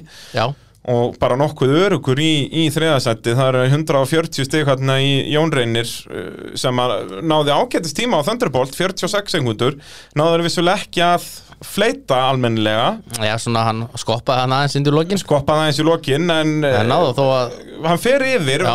var aðeins og hægur í, á grassbakkanum sko hefði hann verið ákveðnari þar að að- þá að þetta var ennþá betur tími en fær hann 190 stig og er það komin upp í fjórða settið Mhm. því að það voru bara eh, ansi margir í tómu baslið þarna já, það voru nú bara svipa á fyrirdeginu, bara einhverju eitthvað fjórir sem að flutu var svona almennilega yfir eða eitthvað og, svo voru menni bara í bestli og þú veist, var þetta ekki líka bara það voru erfiðar aðstæður hann já, en það ekki það, þú veist, þeir töluðum það ökum en það væri bara eitthvað svona kannski meiri ströymur eða meiri öldur eða eitthvað, að það var bara erfiðar að fleita en vennulegar og, og kannski líka eins meira Jónni heldur en vennulega já, eins og ég talaði myndi við gerivert eftir þarna, þá talaði hann um að hann hjælt hann myndi fara að hra- að fljóta betur já, þannig að það er ekki spurning hvort þetta hefði verið eitthvað þetta er náttúrulega rosalega mismunandi já, já Það er spurning líka eins og með sjálfstæðafjörunum aftan hjá Geir, að hann er náttúrulega alveg frekar mjúkur fjörunarlega síðan, hvort að þeir þyrft að ná að stífgan eitthvað upp þarna fyrir, fyrir uh, fleitingar. já, mögulega Það er, eh, það er spurning uh, Þór Þormar náði besta tímanum var mjög grimmur þarna sérstaklega á grassbakkanum þannig að hann fær þarna 350 stig en er náttúrulega búin að tapa svo mörgum stigum en hoppaði upp í sjöðundasætið fyrir vikið jafn Þórðatla sem að komst ekki yfir Aron Ingi komst ekki yfir, fekk bara 0 stig Uh, Gummi átiminni sem í leiðis kemst ekki yfir og ekki yngvar uh, í, á vikingnum heldur og Óli Bræi og Finnur náttúrulega mætti ekki í brautina Æ, og hvað haugum með annan besta tíma og gerivert með þriða besta tíma Já, þannig að þetta var ennþá hörkuslagur á topnum, núna var Haukur kominn í uh, fyrsta sendið, Geirivert í öðru 45 stöðum þar á eftir en skúli þarna kominn 184 á eftir Hauki já, fyrir mýrina en allavega þeir tveir efstu eiga ennþá góða möguleika út af mýrina náttúrulega kerparins venjuleg braut þannig að það er ekkert mála að fá já, 40 eða 100 í refsingu ef þú ferð alla leið sko. já þessi mýrin er náttúrulega bara ég skil ekki ennþá hvernig ég sjá út sko Nei, það, þetta eru einhver, einhver töfrabröð sem þeir eru að nota þarna, ég átta mig ekkert á þessu sko. Nei, og, og það er auðvitað að taka 20 eða 40 stíð mínus bara, ég skil ekki hvernig ég sjá hliðin sko. það er akkurat málið, akkurat málið og hérna, eh, þá förum við bara í, í mýrina Eh, það var áhugavert viðtal við Ingam og Björnsson í útsendingunni uh, og það er þetta að horfa á útsendinguna eh, en þá í dag, bara G7 Media á uh, YouTube og í hátíðislinu talaði Ingemar um það að hann myndi ræsa annar í mýrina og bara ef hann ætti að velja sér ástæði í mýrina myndi hann velja nummer 2 hann vildi fara snemma en vildi sjá einn prófa þetta fyrst Ingimar náttúrulega fór aldrei yfir mýruna á sínum ferli á, á mörnum hér í den og uh, þannig að, að og þessi já þetta álit hans á mýrunni reyndist vera bara hár rétt Já, það því er, að þetta var auðveld auðveldast fyrst já, sér að sem resti fyrstu fór upp eða fór alla leið og sem resti hvað, Svo var það- fjórði hann, hann fer alla leið, þeir voru bara tveir sem kláruð já. og hann þeir restu nummer 1 og nummer 4 og þá voru nýlegaðarnir báðir en það ekki Jú, það var Sævar og Jón Reynir Jón Reynir fór fyrstur já bara keirði glæsilega, var aldrei það var ekki mikill hamagangur, hann bara keirði þetta Já, bara, bara svona létt og fínt eða bara bara tók sér tíma aðeins að þurka glerinu og sjá hvað hann er og bara fekk bara 20 í refsingu, magnaður árangur meðan að, að Sævar að Móra fekk 60 mínus, 290 og það var nóg fyrir Sævar að hoppa upp í sjötta sættið því að, já, að fór engin annar yfir Nei, það var svo, þessi pittur hérna áður en beigjan er, sett hérna í miðjun eiginlega sá pittur, þegar maður sér bara myndir frá sko öðrum þriða bíl og síðasta bíl, það er rosalega mikill munur sko Já, algjörlega, algjörlega og þeir voru margir sem festust að nefnitt bara strax í vinstribegjun áður en þeir koma alveg í, í diffstapittin sko. Já, já, Þannig að það vestnaði mikið og eins og svekkjandi fyrir Inga Má að að missa þarna drifskafti því að já, allavega hann hafði góða möguleika að komast á þetta leið, það er alltaf ef og hefði náttúrulega, en, en þetta leit vel út, en hann stoppar hann og nær mér þess að spóla sig upp úr mýrinni bara á framdrifinu, sko, nær að Já, Mhm. keira já. sjálfur tilbaka, sem er hans sem magnað þegar að fyrir driftskast í mýri þannig að e, slagurinn á toppnum var rosalegur Eh, haukur viðar fer fer hann ekki bara þriðji í brötina eða fer hann á eftir móra hann fer er fyrir snemma. undan, undan, undan Móra hann, Já, hann fer fer þriðji. númer, fer unni á þriði og Ingi Móra náttúrulega Ingi Móra náttúrulega svona fór náttúrulega bara fyrir hlutan hann hann Já. raunir mokaði raunir ekkert neini mýri, mitni mýri setni hlutan Nei, sem- nei. fyrir haug sem var þá eftir á Já, haukur þannig var að bara haugur, í, haugur var svona þannig séð númer tvö má segja og var í virkilega góður í stöðu þarna að- að setja góða pressu á hann gerivert mm Mhm. hefði haukur fengið 310 stig eða betur hefði hann unnið það er bara svo leis og, og er að gera þetta mjög vel eh, þangað til að að mér síndist eh, hann hafi bara vilst af leið, beigt og Já. snemma til hægri Já. Eh, leit þetta ekki svolítið þannig út eða? já, svo heyrði ég nú eitthvað kvell eftir á, ég veit Já. ekki hvort það hefði verið eitthvað Ég, það var svo sannarlega eitthvað Já. því að mér skilst að uh, það er allt í klessu framann í heklunni það er svoleiðis Já, það er hérna en uh, við ætlum að heyra í haukja á eftir og spurning hvort hann staðfesti það eða ekki en, en ég er búin að heyra eitthvað hryllingsögur um það að, að nýja fína vélin er ekki nýja og fín lengur Nei, ég, mynd, ég heyrði eitthvað kveld hana þegar að hana, ég stóð nú rétt hjá hana þegar ég var að taka upp sko. Já, en mér skilst að hann hafi farið úr braut bara, Já. hann hafi annarkvært heyrt eða fundið eitthvað að Já. eitthvað væri að gefa sig og, og beigir út bara af öryggisástæðum í rauninni sko. Mhm. Já. þannig að hann fær hann bara 200 mínus 40 bara 160 stig og þá átti nú eftirleikurinn að vera auðveldur fyrir geirivert þá hafði hann bara þurft hvað 210 stig Mhm. sem var bara hann hefði þurft að ná hægri beigjunni í pitnum uh, alveg mesta pitnum og Já. kannski nokkra bílindri viðbót Já. það var 210 fyrir lengt en geirivert náttúrulega ræsir aftalega Já, og hann er bara, held ég, bara næst síðastur held ég. Já, það var bara, jú, bara skúli fyrir aftan hann Hann næst Þeir síðastur. voru tveir síðastir þarna sem áttu möguleika Þó Þormar hefði átt að fara síðastur, hann fór ekki þannig. Akkurat, fór, uh, það fór vel í honum í ánni, skilst mér að- Já, Að Þeir Hann eru hafi nú bara brætt úr eða svona langleiðina með bræður fór, fór ykkur hett. Já, Þarna var eitthvað. kannski headbangning eða eitthvað Við heyrum í honum á eftir uh, með það En uh, Geirivert, já, þurfti bara 210 stig En hann náttúrulega hlýt hann á að svitna og svitna Því fl- fleiri sem fóru í brautina Því að þeir voru allir að festast þarna bara Mhm. í 170 stigunum sko. Já, já.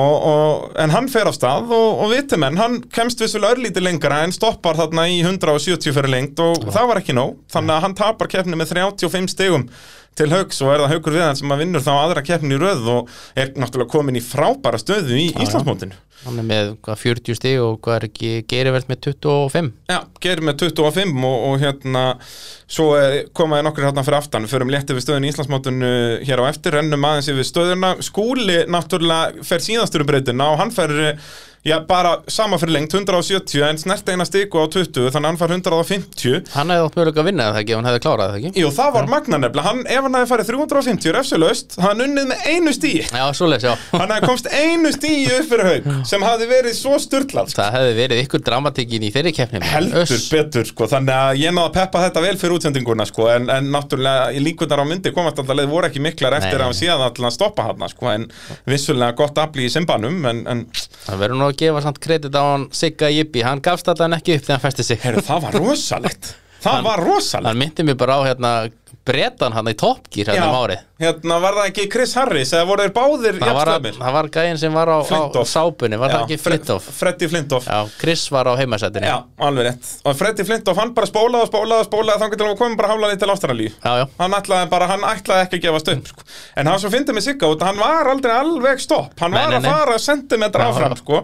svo um leið og hann fann að hann var stoppað þá gafst hann loksins upp Mýrin, hún getur það sem hún vill, sko það er nákvæmlega svoleiði sko, eins og Biggi Bragan sáði um árið e Siggi endar þá í fymta sæti, jafnaði árangunum frá því fyrir daginn og þetta er náttúrulega hans besti árangur í torfærikefni Já, mér finnst að hann gera það bara frábæla í, í alla, alla kemnina bara solid og er þá í ágætti stöðu í Íslandsmótinu nýliðin Sævar að Móra setni dagurinn allt allt annar og eins og ég segi saknaði sennilega þessa já, 200-300 stiga sem hann tapaði þannig í annari Eh, brautinni uh, en sjötta seti bara geggjaðar árangur á, fyrir nýjan bílstjóra og nýjum bíl Uh, Fjölnir náða að vinna sæðins upp eftir magnaðan akstur í ánni, endaði sjöundi uh, Ingi Már uh, eftir baslið þarna með dreifur á sinna endar uh, áttundi Guðmundur Eliasson níundi og Ingvar uh, á vikingnum endar uh, í tíunda seti, síðasta stegasæti þannig að hann var tíundi báða dagana hann er þá með tvö stig til Íslandsmeistara Það eru henni þeir sem að fóru ekki í mýrana þeir eru þarna 11. til neðar Já, það, eins og Svanur Palli tók viðtal við hann fyrir mýruna og Svanur sagði bara, ég nenni sig ekki Já, Ég nenni ekki að eða öllu árunni í að þrýfa þetta viðbjóð Ég er ekki í neinu sæti hérna, ég ætla bara að spara þetta og hann var líka nýtturlaus held Já, ég og eitthvað var í, var í basli, hann var ekki nýtur lausbind Hann talaði um það að það, þeir ná aldrei að ná að að halda því réttu hittast í Um leið og hann fer í vatnið Þar sem, sem satt nýtur og flaska nýr í bílnum hún, Þetta rennblotnar allt stra- strax og þá kólnar það allt á mikið sko. Út af Já, þetta já. þú verður að halda nýtróinu heitur Þeir eru allir með eitthvað svona hittamóttur í kringum það Þannig að, að hérna, það kólnar alltaf strax og þá náttúrulega virkar það ekki neitt sko. En staðan í Íslandsmótinu er það þannig að Haukur er fyrstur með 40 stig, 15 stigum á undan Geirivert í öðru seti með 25, svo kemur Siggi á ég í þriða seti í Íslandsmótinu með 20 stig, Eh, svo Ingi Már 19, Þórður Atli og Jón Reynir eru jafnir með 17 stig, Skúli Kristjáns með 12, jafn Þóri Þormari Pálsini og svo koma þér hinnir þarna fyrir aftan. En eh, eigum við ekki bara að rífa upp síman, hvernig væri það? Lítið vel að það Hver er fyrstur? Já, sko, eigum við ekki að byrja á hauki bara, hérna, sigurverðanum sjálfan og, og sá sem leiðir Íslandsmótið. Jó Ég held það, sko, að hérna, þá ætla ég að reyna að aðtóa hvort þetta virki eitthvað í þessari græju. Þetta er eitthvað stilt á eitthvað Bluetooth, skildi þetta hringja? Þetta eru Þú ert komin í samband við Já, ég kom í talósnúmer. Á- Uh, Býtu, skildi ég, ég kannski prófa að heyri honum á Messenger, virkar það? Þetta Það er, hlýtur að vera þetta er eintómt vesen, sko. Má við sjá, ég íta þá á þennan takka. Svona, já, þá gerist Þarna eitthvað. heyrist eitthvað Heyrist eitthvað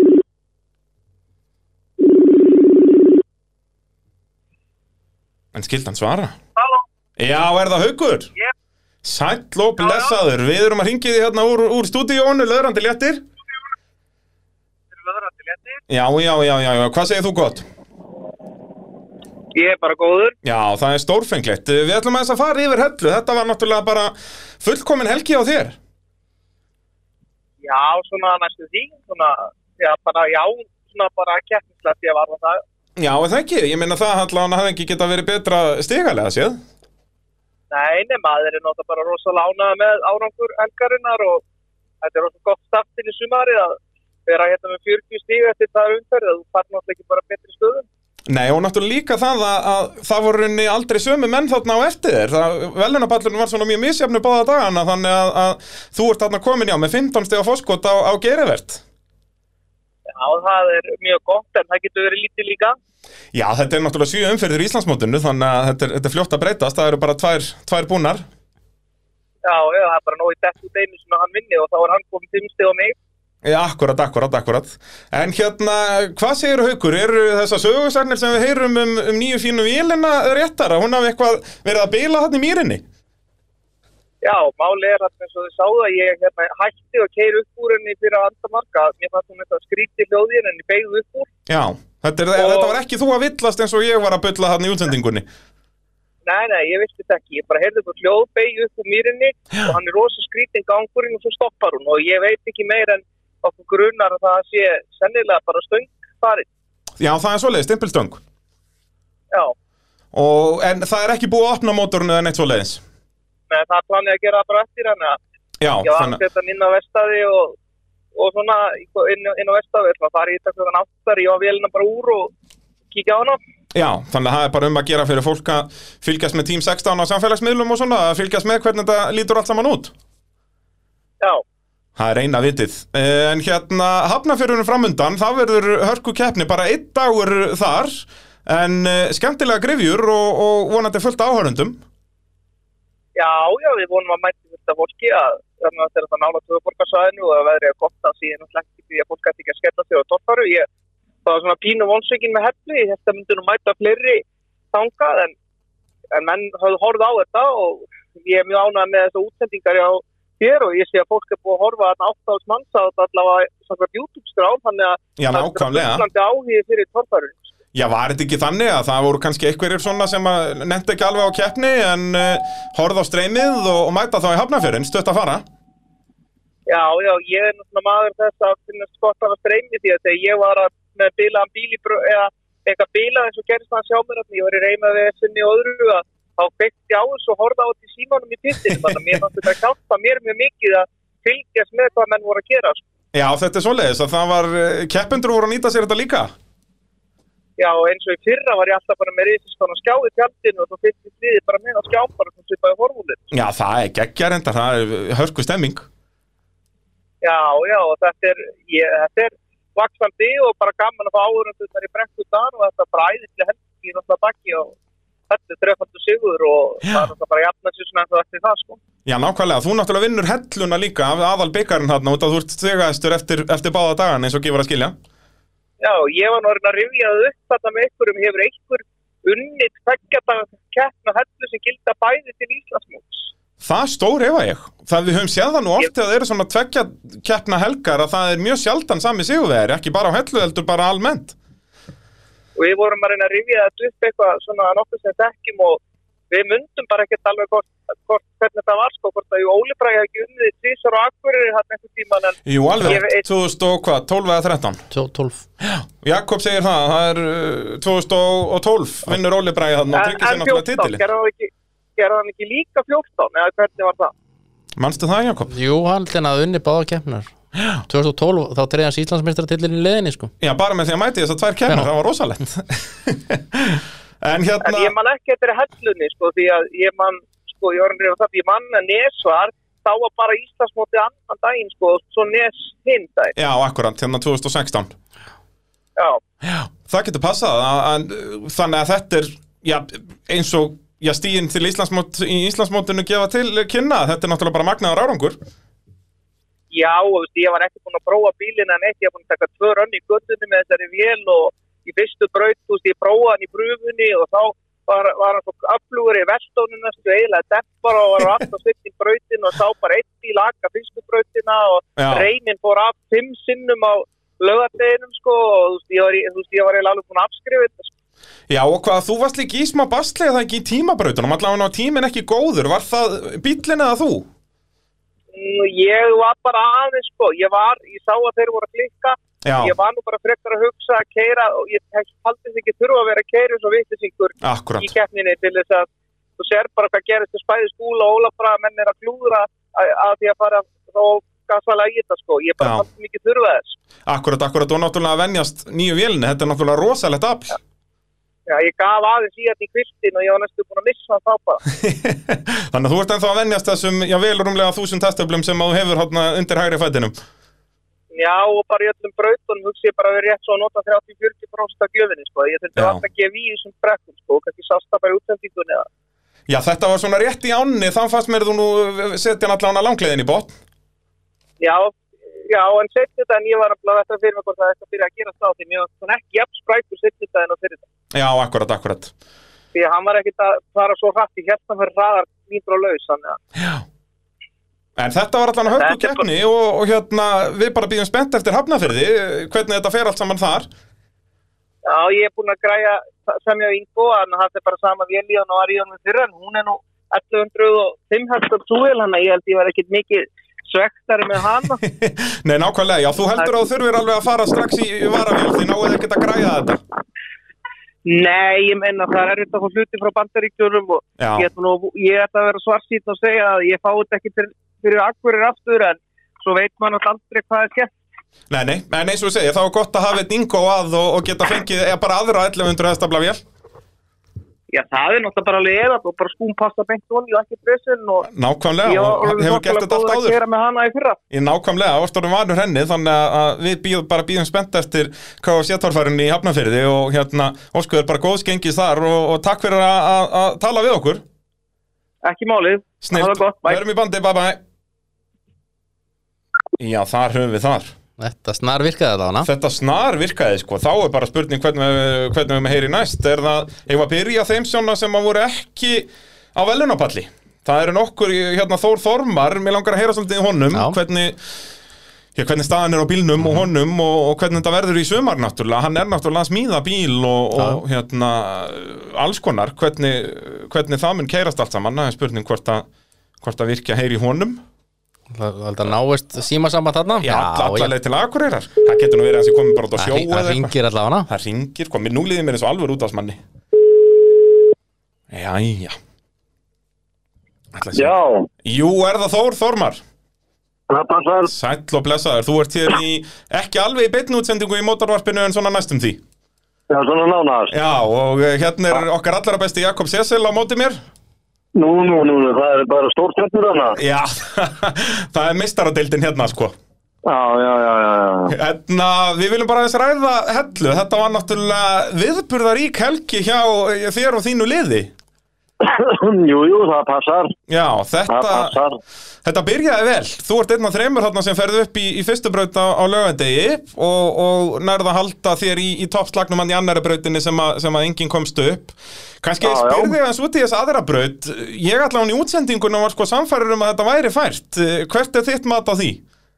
Mm, Já, svona, þegar Finnur fer fyrst hann í brautina, þá er hún allavega fær, hann allavega bara, við vorum í smá gangveðsynni, búin að vera eila, í vikunni að reyna að finna út úr því Já, og hann, hann dref frá honum þegar hann endir, sko. akkurat, en hann komst nefnilega upp á kantinn sko hann komst upp á kantinn og síðan svona uh, var ég aðeins svo lengi að metta þetta til þess að rækja hans betur í hann bara þarna sko þannig að ég fór ekki alveg nóg hratt ég þetta bara örlítið hraðar Já, þetta er nefnilega málið að, og þú náttúrulega fer líka það aftarlega, barði var ör, orðið örlítið verra, en, en ég er nefnilega svolítið Já. samanlegaður þarna, örlítið meiri ferð og, og þú hefðir sennilega endað upp á kantinum, sko. já já ég er nála samfæðan það þannig að ég var aðeins sagt um sjálf að mér hafi ekki gefið örlítið fyrir í Já. Uh, en svona, síðan er þetta bara maður að venja stílnum og svona maður kannski bjóstu aðeins meira meira viðbræði sko já, uh, Hann- talandi um Raptorin, nýja bílinn, hvernig finnst þér hann svona hegða sér miða við, já, Þór, sem hann varst á síðast, hvort drengin? þetta er bara tveit ólít eiginlega en báðir hafa sína kosti og já, ég veit ekki alla en, en þeir hafa báðir sína kosti held ég en, en þetta gjör ólíkt tækja að keira sko Já, eh, hvernig þá, er hann eh, svona leprari þessi eða, eða er þetta aðeins svona öðruvísi hreyfingar bara? já, þessi reyfingar og hann er allir svona miklu líkri og tegir sér meira lengri fjöðrun í honum og, Já, já við og sjáum, þetta er sjáum svona það. það Já, þetta er bara svona eins og nánast að vera í, í böggibíl, bara eins og böggibílanir í dag. Þessi, Já, þetta er Bara náttúrulega borðið, sko. ótrúlega lítið appar, þetta er ekki svolítið skrítið að sitja í þessu.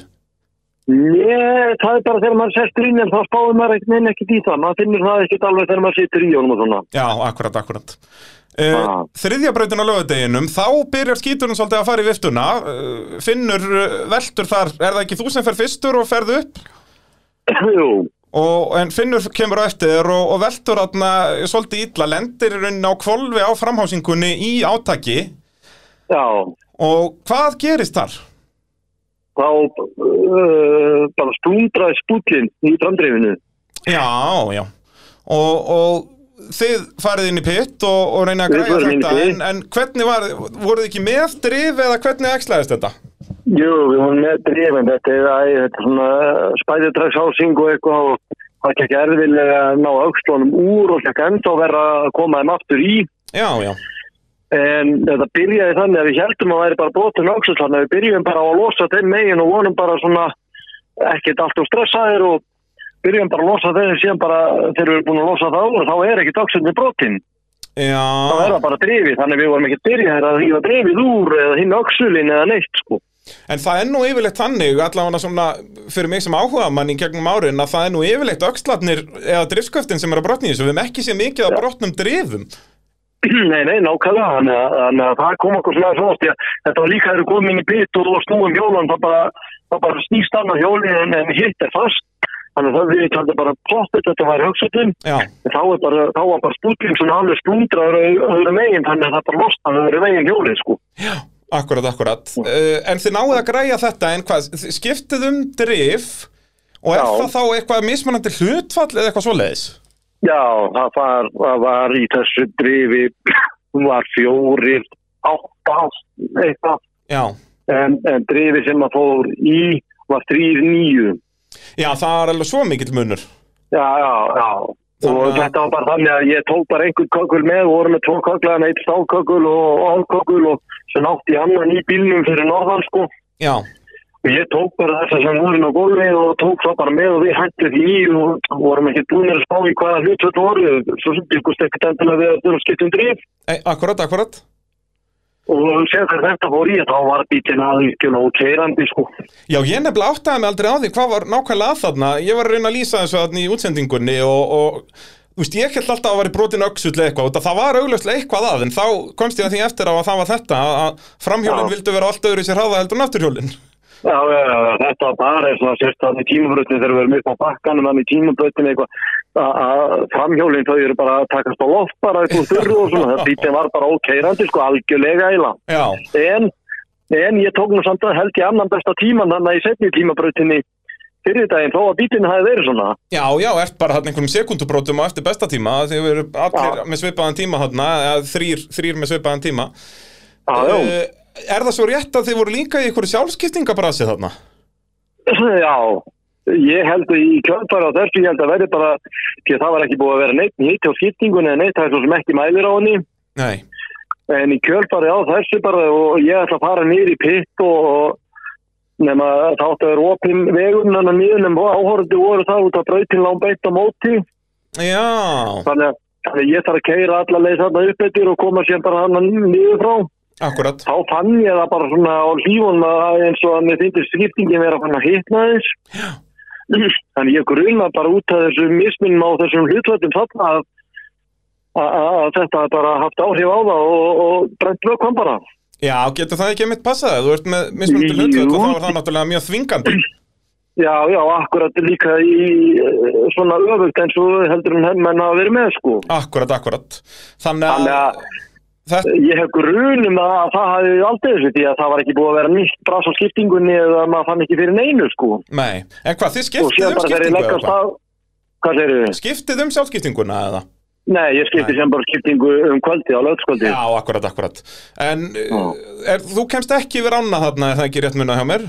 Já Jú, ég, ég er rétt komst ána. Já, en ekki, þú nær ekki að fljóta hún á henni, það vantaði og Nei, það náði það ekki að er aðeins fleyta. út af þessu, þessu drifvesinni að, að bílinn, Já, bæði drifið og því að leið og ég kem út í annað, hann fleittir svona örlítið fyrst eða eitthvað, en síðan bara náttúrulega þegar að kom átaka á þetta, þá bara, þá bara byrjaði skiptingin að stuða.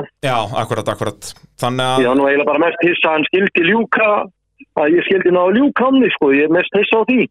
já, og nærð þarna já, hvað eru þetta þú nærð 12 stigum til, til Íslandsmeistar, Já, já. endar þarna fjórði þannig Jú. að það var nú bara skrambi gott með að við hvað hefði gengið á Já, já, ég er bara, ég held ég ætti ekki eins og mjöguleik á því, sko. Akkurat, akkurat. Hvernig sest, Já. finnur hættir keppni þarna í miðbygg keppnar? Var það bara til þess að hlífa bílnum meira þá eða?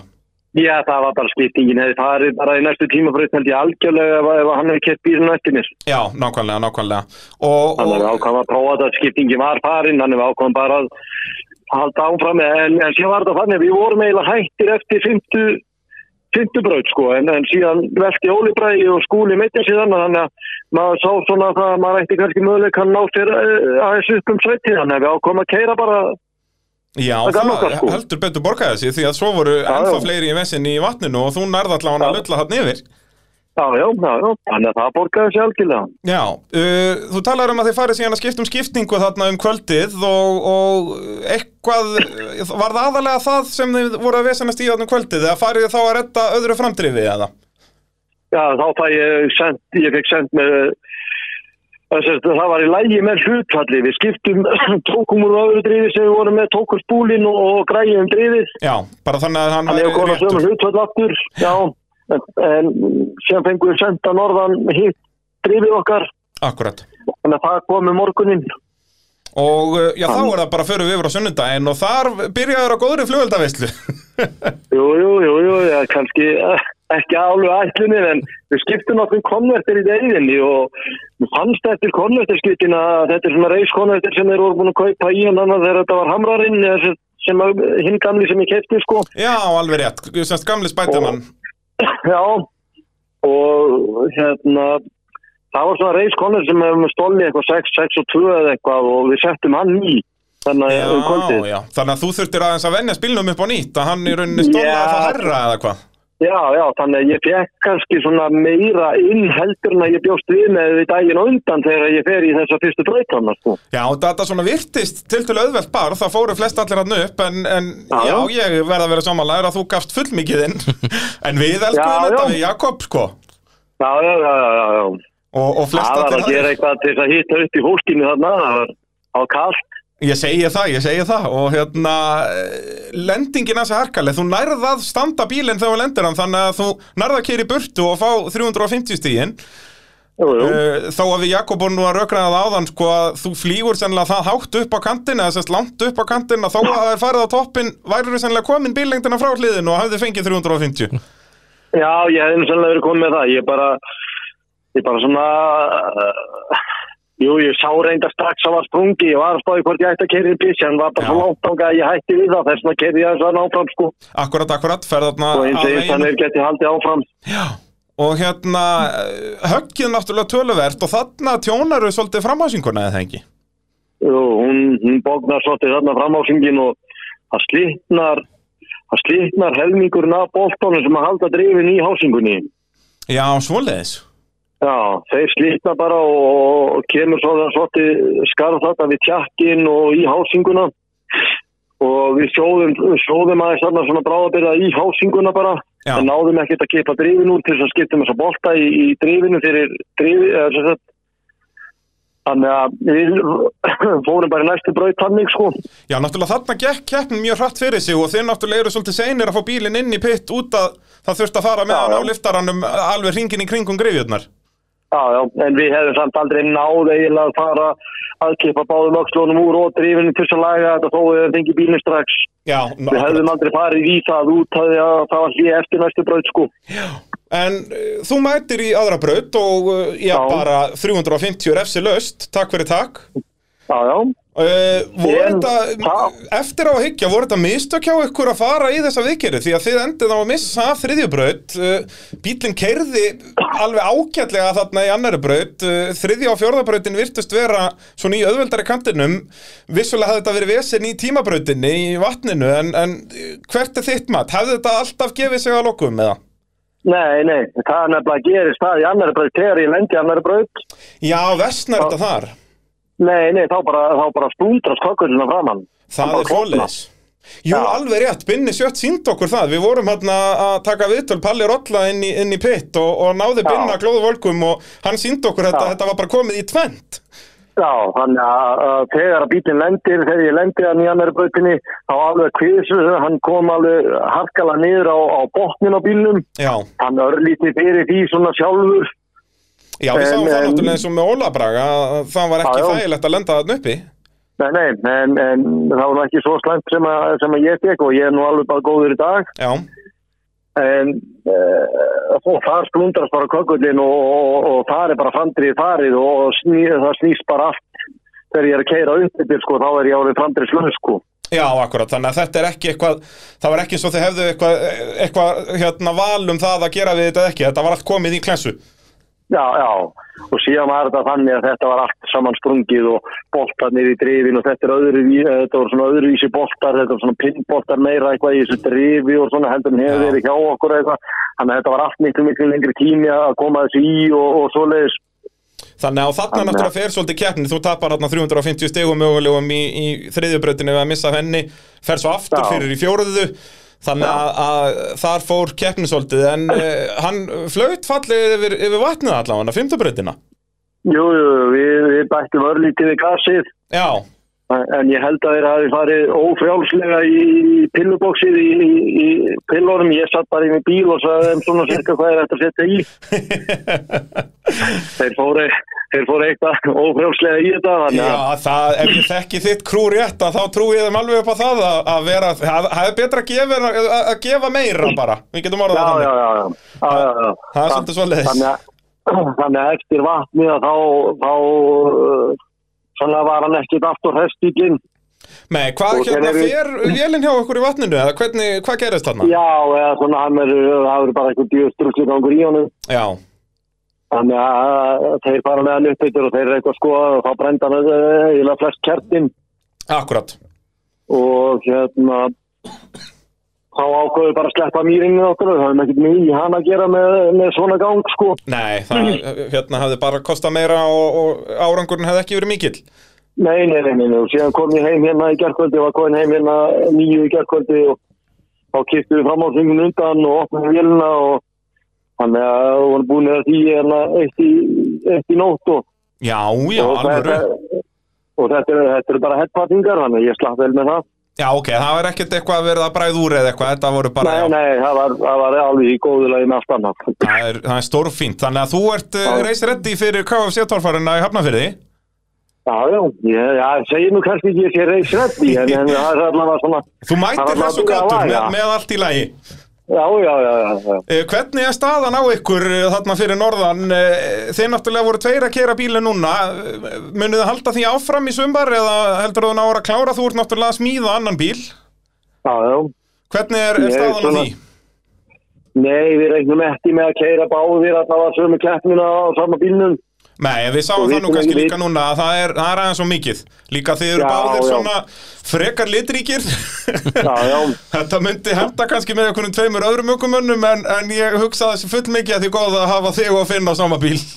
já, já, já, já, já, já. En sem við ekki hvernig þetta þróast, ég kannski reiknum með að taka hafna fyrir og sjá sem til hvernig þetta er á Írstum, hvort að við reynum að skrá okkur kannski báðir allavega setnum daginn á Írstum að ef, að- ef að verður eitthvað opið inn í þessari baróttu til um títilni eitthvað, ef maður stendur sér eitthvað í hafna Já, það er hérna kannski svona sniðut planið mitt að ef að, ef að þú veist, það eru nánast enga líkur á titli þarna eftir fyrsta daginn á eigilstöðum að lefa þá finna að taka bílinn á, á sunnudeginum.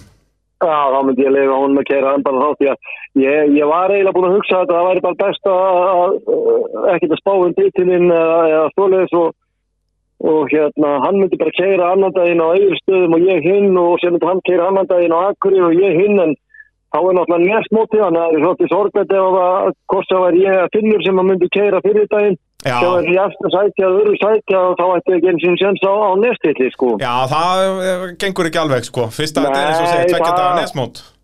Nei, það væri, en, en ég held að það er best að sjá hvernig gengur eins og næsta keppi og svona, hvað verður mikið að gera eftir hana og svona, hvort það verður hægt að vinna eitthvað í hinum bílum. Já, Það væri nákvæmlega. náttúrulega, það væri náttúrulega gaman að mæta bara við hinn bílinn líka þá.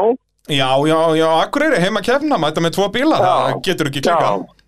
Nei, nei, en ég sé nú kannski ekki dendil alveg fram á það, sko, það er svolítið Nei. mikið eftir í honum. Það er öll, öll smáatriðin eftir og það er nú þau sem Já, að taka já. mestan tíma.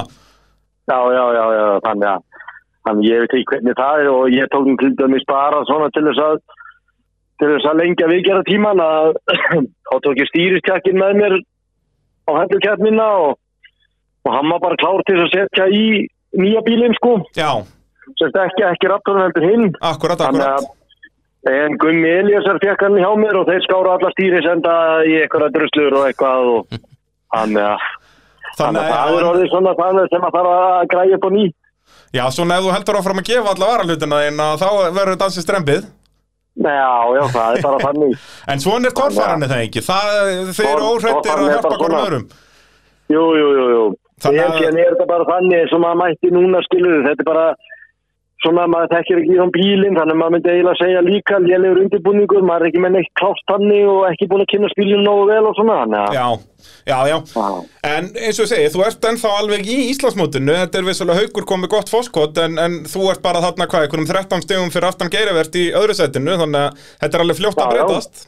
Já, ég veit ekki, það er mjög fljótt að breyta sko, bara ef, að- ef að hafna fjörður dettur, dettur með manni svona bara svona sirka og, og aðri lenda neðar og svona þannig. Já, að- já. Og svo Þetta er mjög náttúrulega fljótt að þessar breyta, tvö- sko. tvöföldu keppnishelgar eru skemmtilegar hvað þetta varðar. Já. Að- að- Þetta er helvíti fljótt að breytast eins og við sáum bara um helgina núna, mikla sviftingar mitt Já. daga. Já, já, já, já, já. Þetta verður Það bara er endum hamingja. algjörlega þannig. Já, já, já, já. En uh, þú mættir hress og kátur í KFC-torfarina en ekki hvað í, í hafnafyrði eftir, eftir tvær vikur og við bara getum ekki beðið eftir að fylgjast með þér í brekkunum. og það er bara nákvæmlega þannig Þetta verður eintóm snilt. Eh, Já. Takk hérlega fyrir að tala við okkur Þór og, og gangið vel í hafnafyrði. ekki málið, þakka ekki alla Já, bless.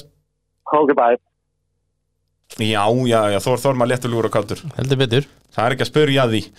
Hérna, hvernig var heyri næst? Er það, eh, ef að taka Sigga, Jippa Bobby kannski eða, eða Geir Evert, ég maður byrja á Geir Já, tökum geir Já, það geti, geti verið gaman. Hann náttúrulega náði þarna öðru sætinu á, á öðrum degi. Hann er Já, náttúrulega hvað næst hau- haug í titilbaratu Svo. Já, hann er hann 15 stugum á eftir, eftir að hafa náði 8 stugum fyrir daginn og 17 setni.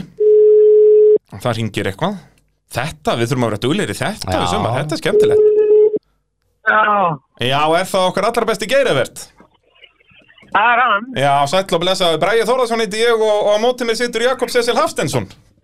Það er sæli. Það er eh, nákvæmlega svoleiðis, þú ert hérna í, í mótorvarpinu og við ætlum svona aðeins að, að eh, spyrja þú út í, í liðina helgi, eh, tvöföld keppnishelgi á hellu. Hvernig fannst þér þetta svona ganga heilt yfir? Gekk svona allir læg, sko. Já, ekkert mikið meir en það? Jó, jú, þetta var flott helgi, sko. Já, setni Það var bara dagurinn, gerðvægt, sko. setni dagurinn eh, allavega gekk betur, annarsættu þar og, og ég munaði bara hvað, þetta voru einhverju 40 metrar kannski sem vantaði upp á í mýrinni. Já, Það var... eh, já, það var eiginlega annað eins á fyrir deginu líka, sko. Já, í rauninni, sko, ef við byrjum Ég var aðeins á, náttúrulega- á laugadeginum, þar, þetta var ansi pínlegt þarna í, í vatninu, því að, að þá er þess að er ekki haukur búin að fara á undan þeir ef ég mann rétt Jó, og búin að setja vissulega mjög góðan tíma, en það döði þér bara, samkvæmt mínum reikningum hérna í útsendingunni, eitthvað kannski 31 sekunda eitthvað svo leiðis, það var svona svipaðar tími og Þórður Alli fór á og, og Þórður fór þetta nú á þremur hjólum, þannig að, Já. að, að þetta bara, ef þú hefur bara náða þéttri ferð þannig í gegn að, að þá hefði sigurinn eh, verið þinn, allan að þetta verið mjög nálagt, en, en já, hvað er sem, það sem gerist þarna þegar þú ferði yfir í rauninni á, á númer 2 þarna, sprænuna? það er orðið svo, uh, það er orðið sko bakkið þarna. Já, Áin er búin að vera að grafa þarna undan þessu og, og ykkur er fól og það kemur bara svona, helviti mikið bara svona högg á að þegar þið kemur yfir og þá brotnaði stýrisendi. já, svoleiðis, hann þú missir eh, stýrið, eða hann, já, stýrir bara eitthvað. Já, já, já, þannig að það er alveg, hann bara hórið tvett helviti innri endin, sko. Já, Þá er maður alltaf bara að stoppa sem maður er, sko. Akkurat, akkurat Alveg grátlegt því að þú náttúrulega eh, dettur alveg svakalega niður listan þarna Hvað endar í fymta seti eða sjötta? Þú endar Sjötta. sjötti Það er eh, helviti grátlegt en, en fýtn árangur fram að því Þú náttúrulega ert komin í toppslægan en þrátt fyrir að hafa ekki komist upp í, í fyrstu brautinni Hmm. Þú náttúrulega ert komin í toppslægin þarna eh, á laugardeginum þó að þú varst ekki einn af þessum þremur sem að fóst upp í, í fyrstu brautinni. Hvað fór úrskeiðis þar í, í fyrstu braut á, á laugardegin?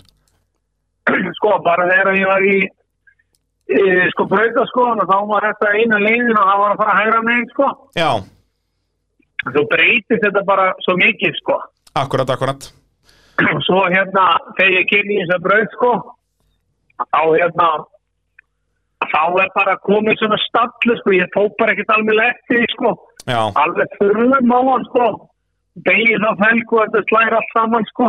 já, allt í steg bara. og, og já og svo svona þegar við fórum að, við fórum að pröfa bílum og spáða aðeins í hún sko, það var náttúrulega ekki búin að pröfa bílum eitt alveglega, Nei, þá virkaði í sko fjöðurinn svo illa, nú það var já. að slá saman já, það sló svo svakalega sko saman hérna í fyrstu braut að ég hefði alltaf framöndan sko, hann Hvernig kýttist allir inn var þetta þá bara í rauninni dempararnir of mjúkir og þú varst bara að keira á samsláttabúðunum eða hvernig var, af hverju er Nei, þetta? þeir, þeir- þeir voru bara svo döðir sko Já, það er Þeir voru sko svona. gasaðir og, og þú veist allt svoleiðis en það bara, hann, hann var bara fyrst svona fyrst svona 5 cm Já. og svo dó hann bara. Já, Svo tókum við e, e, sko þetta bara nú hérna um kvöldið og þá var sko vatnin í öllum. já, svona. Þannig að Sævar, já, þannig að sko Sævar hann græjaði þá. Þá Okkar var allra hann besti. allt annar þarna daginn eftir, já, Já. Sævar Jóns. og hérna en ég meina samt á lögadeginum þetta eru uh, fínir tímar í tímabrautunum náttúrulega það er svona þinn heimavöllur, það eru tímabrautunar Já, en ég kerði þetta rosalega þétt bara þar sko. já, og ég reyni ekki taka henni sens að vitandi að bílinn væri fjarrandi eins og belja á svelli Nei, en svo er það bara oft best í þessum brautum, já, þessum tímabrautunum. Keirir það jafn þá fjart maður upp með langbæsta tíma hann heldur en þeir eru í þessu djóðgangi sko Já, Óli Bræði sannaði það nú svolítið þarna í, í fymtubrautinu á lögadaginn að að það vissi alveg allt að gerast en, en eh, já, endaði á topnum já, já það er Þannig að- bara allt að gera svo ekkert að frétt oft þetta er Já, svolítið já. þannig þegar maður er að þegar maður er að setja besta tíman sko Akkurat, akkurat þá þá er þetta svolítið þegar þá koma svona alls konar klúður oft og svo leiðis Já, var það ekki þannig Jakob eh, Raggi Róberts var nú yfirleitt hraðastur í tímabrautum en, en þó, já. þó að það var yfirleitt ekki neitt að frétta af akturinu þannig séð, Já, Þór Þorma líka svona undir lokin á, á Thor nákvæmlega já, já, Keir þetta bara en þér leiðilegur í þeim sko en, en, en svolítið mikið alltaf mikið ekki tíma Já, það er akkurat máli, ef þú heldur hjólunum í örðinni að þá ertu með mesta gripið já, já, Það er svoleiðis virka starffræðin En förum þá yfir í, á, á sunnudaginn uh, Þá í raun aftur byrjar þetta bara ansi vel Þú ert í toppslagnum þarna alveg fyrstu brautindar Var þetta of auðveldar brautir eða var þetta ekki bara passlegt? Það voru nú alveg alltaf nokkrir sem að komist ekki upp já, ég er eitthvað brauta sko þá leit þetta miklu verið út sko Já, er það svoleiðis? Já, þegar einhver leist ekki Já, þetta um sko. morgunin Jó, sko, en, en ég held alltaf, sko, því að þetta svæði hennar, það breytist yfirleitt svo mikið, sko. Akkurat Að Ég, ég held að það væri að fara eins og, eins og í, sko, það var önnumbraut þarna. Þá held ég að það myndi bara fara svona 2-3 bílur upp og svo myndi grafast undan þessu. Já, Og þá verður alltaf svona innmyndið sér þetta barðið, sko. já og þá áttu í Það er raun aftur einhvern veginn, möguleika þetta er einhvern veginn, já, þetta er einhvern veginn slapp til, sko. Já, en samt alveg svona eins og í annari brautinni voru þetta ekki kannski 2-3 og þá var þetta ókleift en svona eftir 10-12 þá var þetta allan orðið strempi þá sáum við alveg nokkra veltur og svona svona undir lokin Já, á já, það já, þá var þetta búið að hérna þetta breyta, sko. Já, akkurat, en, en slapp til En- hjá en ég- þér Já, ég held bara að það myndi breytast fyrir sko. Já, En Ég ræstu nú tólti þannig held ég á já, er það ekki, þú varst mjög já, aftalega í, í aðra já, í sko fyrstu braut sko.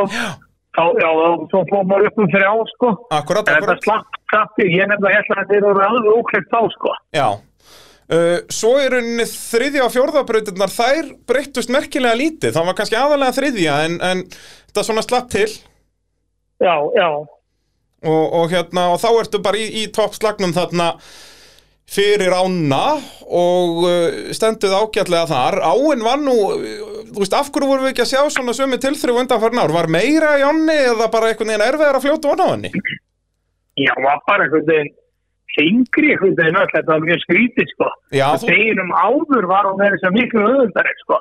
það þú talar um það hérna við, við pallar ollu að það hefði bara verið búið að setja sigur í ána hún væri svo þung Já, þetta var rosalega skrítið sko, það náði þetta engin veginn flúið í henni og Nei, þú það var eins og hann væri eitthvað helvítið tung sko. og samt þarna að vera að fara með ströymi er þetta þá bara ef það er meiri vindur þú veist, var meiri öldugangur eða hvernig, hvernig virkar þetta? Var bara ekki svona mikið í henni eða?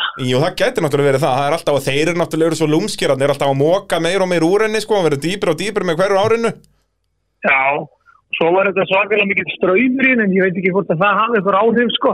Nei, það er svo sem góða punktur Hvað heldur þú með Já. þú veist, að keira mótiströmi eða meðströmi, þú veist, skiptir það einhver máli eða, þú veist, fyrst þú ert bara spólandi ofan á vatninu? En nú hef ég náði aldrei að pröfa að kemja á móti Nei, ströymur. vissulega, þú, þú gerir tvisasinnum svona með strömin til hliðar en en komst aldrei á móti Já, já. þannig að það er kannski ekki best að spyrja þig um þetta Nei, ég, það var allavega þegar ég flytti sko deginum áður að þá náðu mikið meiri hraða sko yfir stuttakaflan heldur sko deginum eftir og allt í krínandi botni og saman tilhlaup og, Já, og billin alveg eðlilegur sko akkurat, akkurat Þannig að það var Þannig að það var greinilega eitthvað- það breytum var- milli daga Já, það var eitthvað eins og hún væri þingri sko Já, hérna þá var komið að mýrinni þá sess að þú ferð eh, næst síðastur í mýrina, haukur fer þriðji haukur eh, fær bara þarna hvað, 160 stegi eitthvað svo leðis, vélinn hjá honum fer þarna og hann bara fer upp úr mýrinni Já, uh, þannig að þá en nána, Þórður- nána klárar hann það sko Já, en hann var með 40 í mínus sko, hann fekk bara 200 mínus 40 held ég Já, já, Það, du- það já, dugði já. þér allavega sko 210 stig og 200 stig Já. alliðið er þarna svona kannski þremur, fjórum bílengdum eftir sem sagt, hægri beiguna í stóra pitnum þegar þú ert komin inn að loka beinakablan En Já, já. þú hlýtur náttúrulega að hafa bara verið eh, svitnandi meira og meira með hverjum bílnum sem fór því að þetta varð alltaf verra og verra. Já, þetta var rosalegt sko. Það, ég hef bara aldrei séð hann eins, þú veist, eins og bara þegar að fjölnir fer hann, fer hann ekki bara á undan þér? Bara, Jú, jú, ég held að sé bara á undan mér. Já. Nei, það var við það ótemnum. já, alveg Hún rétt. bílaði þetta strax. Já, alveg rétt, alveg rétt. En þú veist, eins og með fjölni, við vorum búin að sjá hann sko með þvílík tilþrif ofan á vatninu, bara byggblokkin heldur betur að virka og hann festist hann bara eins og hann hafi sko kert á vegg. Já, bara í beigjunni Já. Já, það er bara hann, þetta var bara, þetta var bara eins og kýtti þetta helviti, sko. og er eitthvað, þú veist, gast ekkert gert, þú veist, hvernig var eins og í brautaskoðun, máttu þið ekki taka, þú veist, meiri likju þarna, sem sagt, í vinstri likjunni, máttu þið ekki fara bara halva leið til kvásvallar og, og tilbaka eða? Sko, ég náttúrulega var ekkert í brauta, sko, þegar maður verið að skoða þess að nýri, sko. Nei, þú ert ekkert í því að lappa En- mýrina en- svona þyrti skemmtunar. Nei, því hún er alltaf eins, sko. Já, akkurat, En ég er líka kærið þess að að henni, sko. já, En, en það er náttúrulega, sko, venjulega brauta, eh, sko, reglur og það núna. já, Þannig að þú máttur ekki ekki fara eitthvað mjög langt út úr, sko. nei, Það það er náttúrulega þá að vera styrsta leið og milli hliðin, annars veit ég ekki hvernig það það allan gerði það enginn, sko. nei, og náttúrulega það líka ef hefði verið að þú, hægt, sko, en það hefði verið hægt ef þú þurft að fara svona 15-20 metra út fyrir, sko. Já, Þess að en þá náður samt alveg beinum ertu- inn í næsta hlið, sko. já, en þú veist, vissulega ef þú gerir það og, og kemst yfir þess að kaplan sem að þú festið á, að þá náttúrulega ertu samt, þú þarft þá alltaf að bremsa fyrir hægri beiguna og þá ertu bara Já. aflega fastur þar, sko. Já, því ég held að einu sénsinn, sko, til þess að komast yfir þetta, sko, Já, að það hefði verið að fleita þetta. já, en það er bara s- s- sko fjandi erfitt að- að vera ofan á og svo reyna að beigja á saman tíma já, já, því að þú múið heldur allar snerta stíku, sko. Nei, nei En, Ef það ætlar að taka hann okkur óta, þá er hann alltaf hundastir að þeir, sko. já, en það er, ég er hlindur þessu að keira þetta bara eins og vennileg braut Þetta eru það orðin það mikla græjur og, og við sáum það núna, það fóru bara tveir bílar yfir Vissulega virtist þurr ásröðin skipta miklu máli þar Já, já. En það hefur nefnilega yfirleitt ekkert skipt neinu máli við mýrina, hún er alltaf jafnlaut, sko. Já, það er nefnilega, við höfum aldrei allan að sé þetta svona slæmt, þú veist, vissulega Nei, einhvern tíma nei. hefur hún vestnað eitthvað aðeins en svona erfitt að meta Já. það, sko, en, en aldrei svona, þú veist, eins og bara þú, Siggi og, og Fjölnir, hvernig þið bara farið í þennan pitt þarna og eins og, eins og, Já, Siggi, ein- þetta var bara eins og að keira á vegg. Já, og svo var náttúrulega skúlin á að, hann á að krabba sér bara ykkur að fimm metra Já, fram fyrir mig þarna og hann er nú með helviti mikið power, sko. akkurat, akkurat, það sýnir svolítið hvað þetta var orðið krefjandi. Já, En þú náður allan öðru sæti og, og situr núna í, í öðru sæti í Íslandsmótinu með 25 stig, 15 stigum á eftir uh, hauki. KFC torfaran í, í hafnafyrði framundan, uh, það gengur ekkert nefn sigur þar. það er bara svo leiðis, það er allavega þetta af því. Já, það er... Þá við bara gerum það líka, þetta var svo, já, þetta er svo, þetta er nú orðið helviti jafnt þarna hjá nokkrum, sko. helvi heldur betur og við sáum það núna í þessum keppnum að það voru á tímabili þú veist, 6-7 bílar sem áttu möguleika á sigri eftir 3-4 breytir Já, já, já, það var einmitt eins og eftir tvær bröði, sko, þá voru, þá voru held ég, sko, sex í öðru sæti, sko. Já, nákvæmlega Sex eða sjö bílar, sko. Já, og bara eins og á fyrri deginum, þú veist, Þórður Alli fer bara í síðustu brautinu fer hann úr sjöunda upp í annarsætið.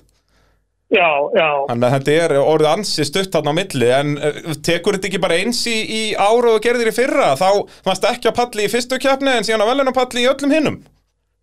já, það er eina vitið, sko. Þetta er eina vitið, sko, þú ert með uppgriftina, Já. nú þarftu bara að vera aðeins oftar hann í fyrsta seti og taka titilinn. það væri, það væri gaman. Heldur betur, hérna, Ger, það var frábært að tala við þig og við sjáumst bara á, á KFC-torfærinu í Hafnarferði eftir tvær vikur. Já, endilega. Snilt, takk, takk. Já, þetta. Eh, Nei.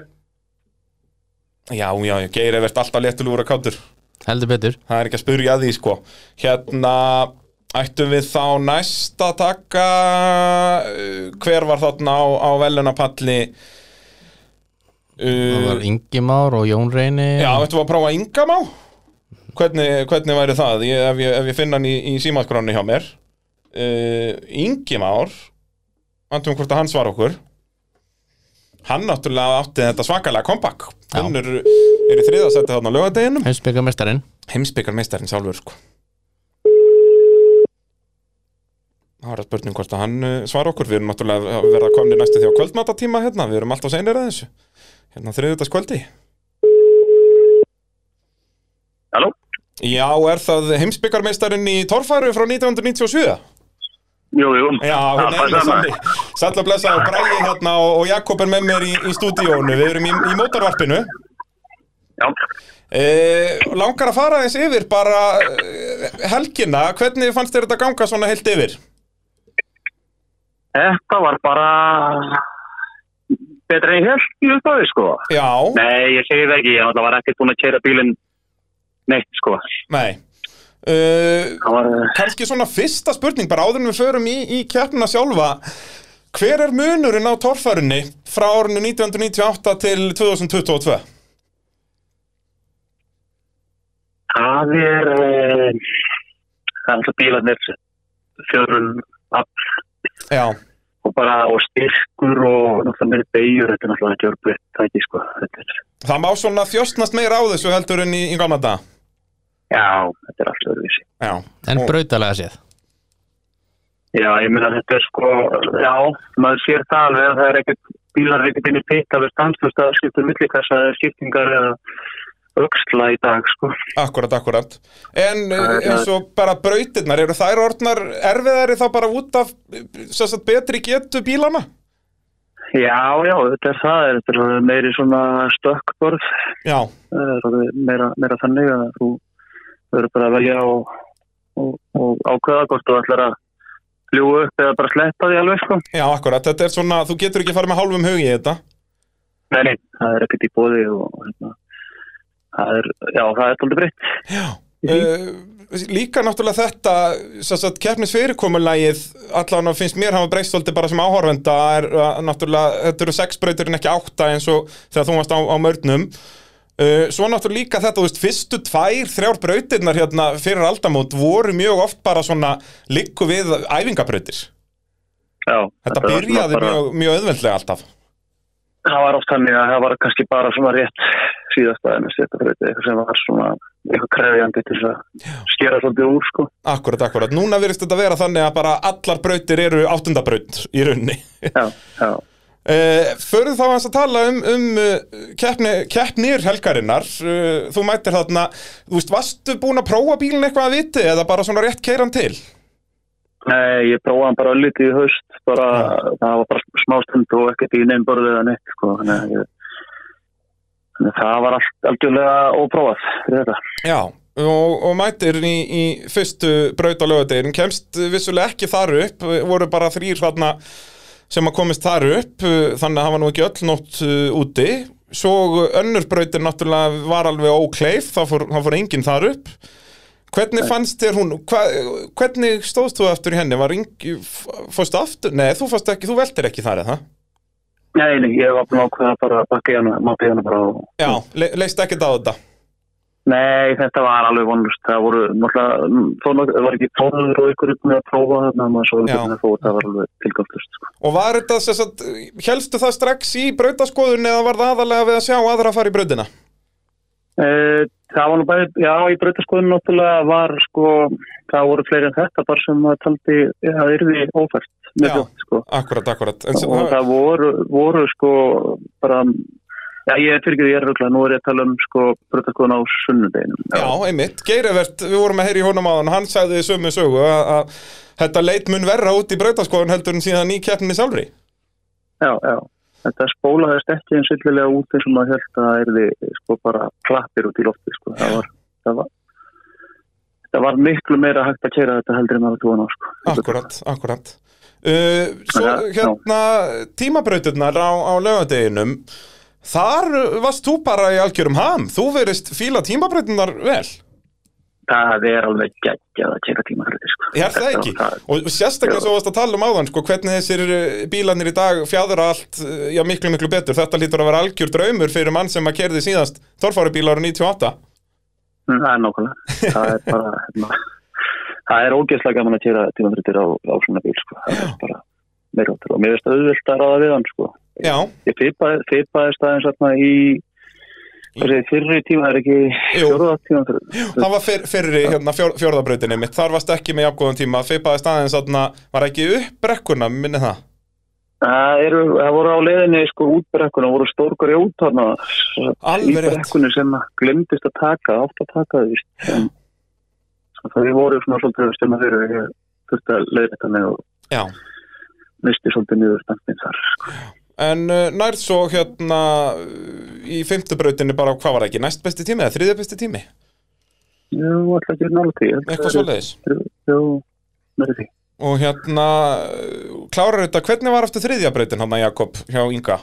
Hann fór upp hann Já, þú, já alveg rétt, þú ferð upp hann að trykki brautina sem ekkert allir komist upp og ert þá svona að nálgast toppslægin, ert að nálgast þessa sem að komist upp í fyrstu brautinni þeir síðan fara að hreinja niður hver af öðrum þarna í tímabrautunum og, og þá ertu skyndilega komin bara í ágæti stöðu fyrir, fyrir loka brautina Já, já þetta Og- var bara, þetta vannst svona allt einhvern veginn upp á við aftur sko, þetta var svona fyrsta brautin var auðvitað svona já, þessum að hún var á tíma og, og, og ætlaði að kera hann svolítið hrætt og Já, þú varst svona eini sem að var almennilega grimmur á tímanum hann, við Jakob vorum ánæði með þig já, ég held að ekki margir bara munað eftir því að þetta væri á tíma Já, það geti verið En svo náttúrulega kom það eiginlega ekkert skiptaði ekkert öllum máli því að það voru bara þrýr sem kláraði hana já, já, nákvæmlega En það náttúrulega barðið þannig að loka barðið þróaðist þannig að það spólaði svo mikið undan því að, að þetta var nánast ókleift.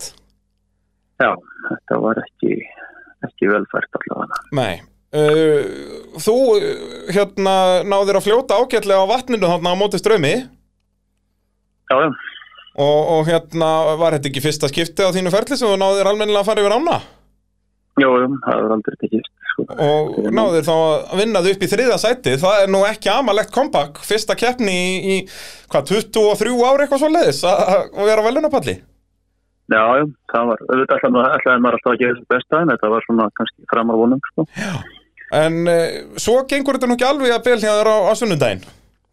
Nei, það var öllu verið dagur. Já, þá hérna Lögadagurinn, lögadagurinn var þetta þannig að það var ekki bílu því og ekki þessin, sko. Já, það er bara kerðu og við höfum nú séð að, að bomban náttúrulega þessi bíl hefur bara verið mjög áræðanlegur og góðu bíl þú hefur uh, hérna alveg keift, keift góðan bíl á honum ása Já, já, þetta, maður var nú sjá þetta virkaði og þetta var bara bíl sem hendar í þetta held ég, hann er bara nokkuð góður í þetta, sko. Akkurat, akkurat Hérna, sunnudagurinn uh, byrjar vel, ferð upp í, í fyrstu braut eins og svo margir aðrir Já, og svo var það önnur brautin og þar ertu ansi aftalegir ásröð er það ekki rétt munað hjá mér?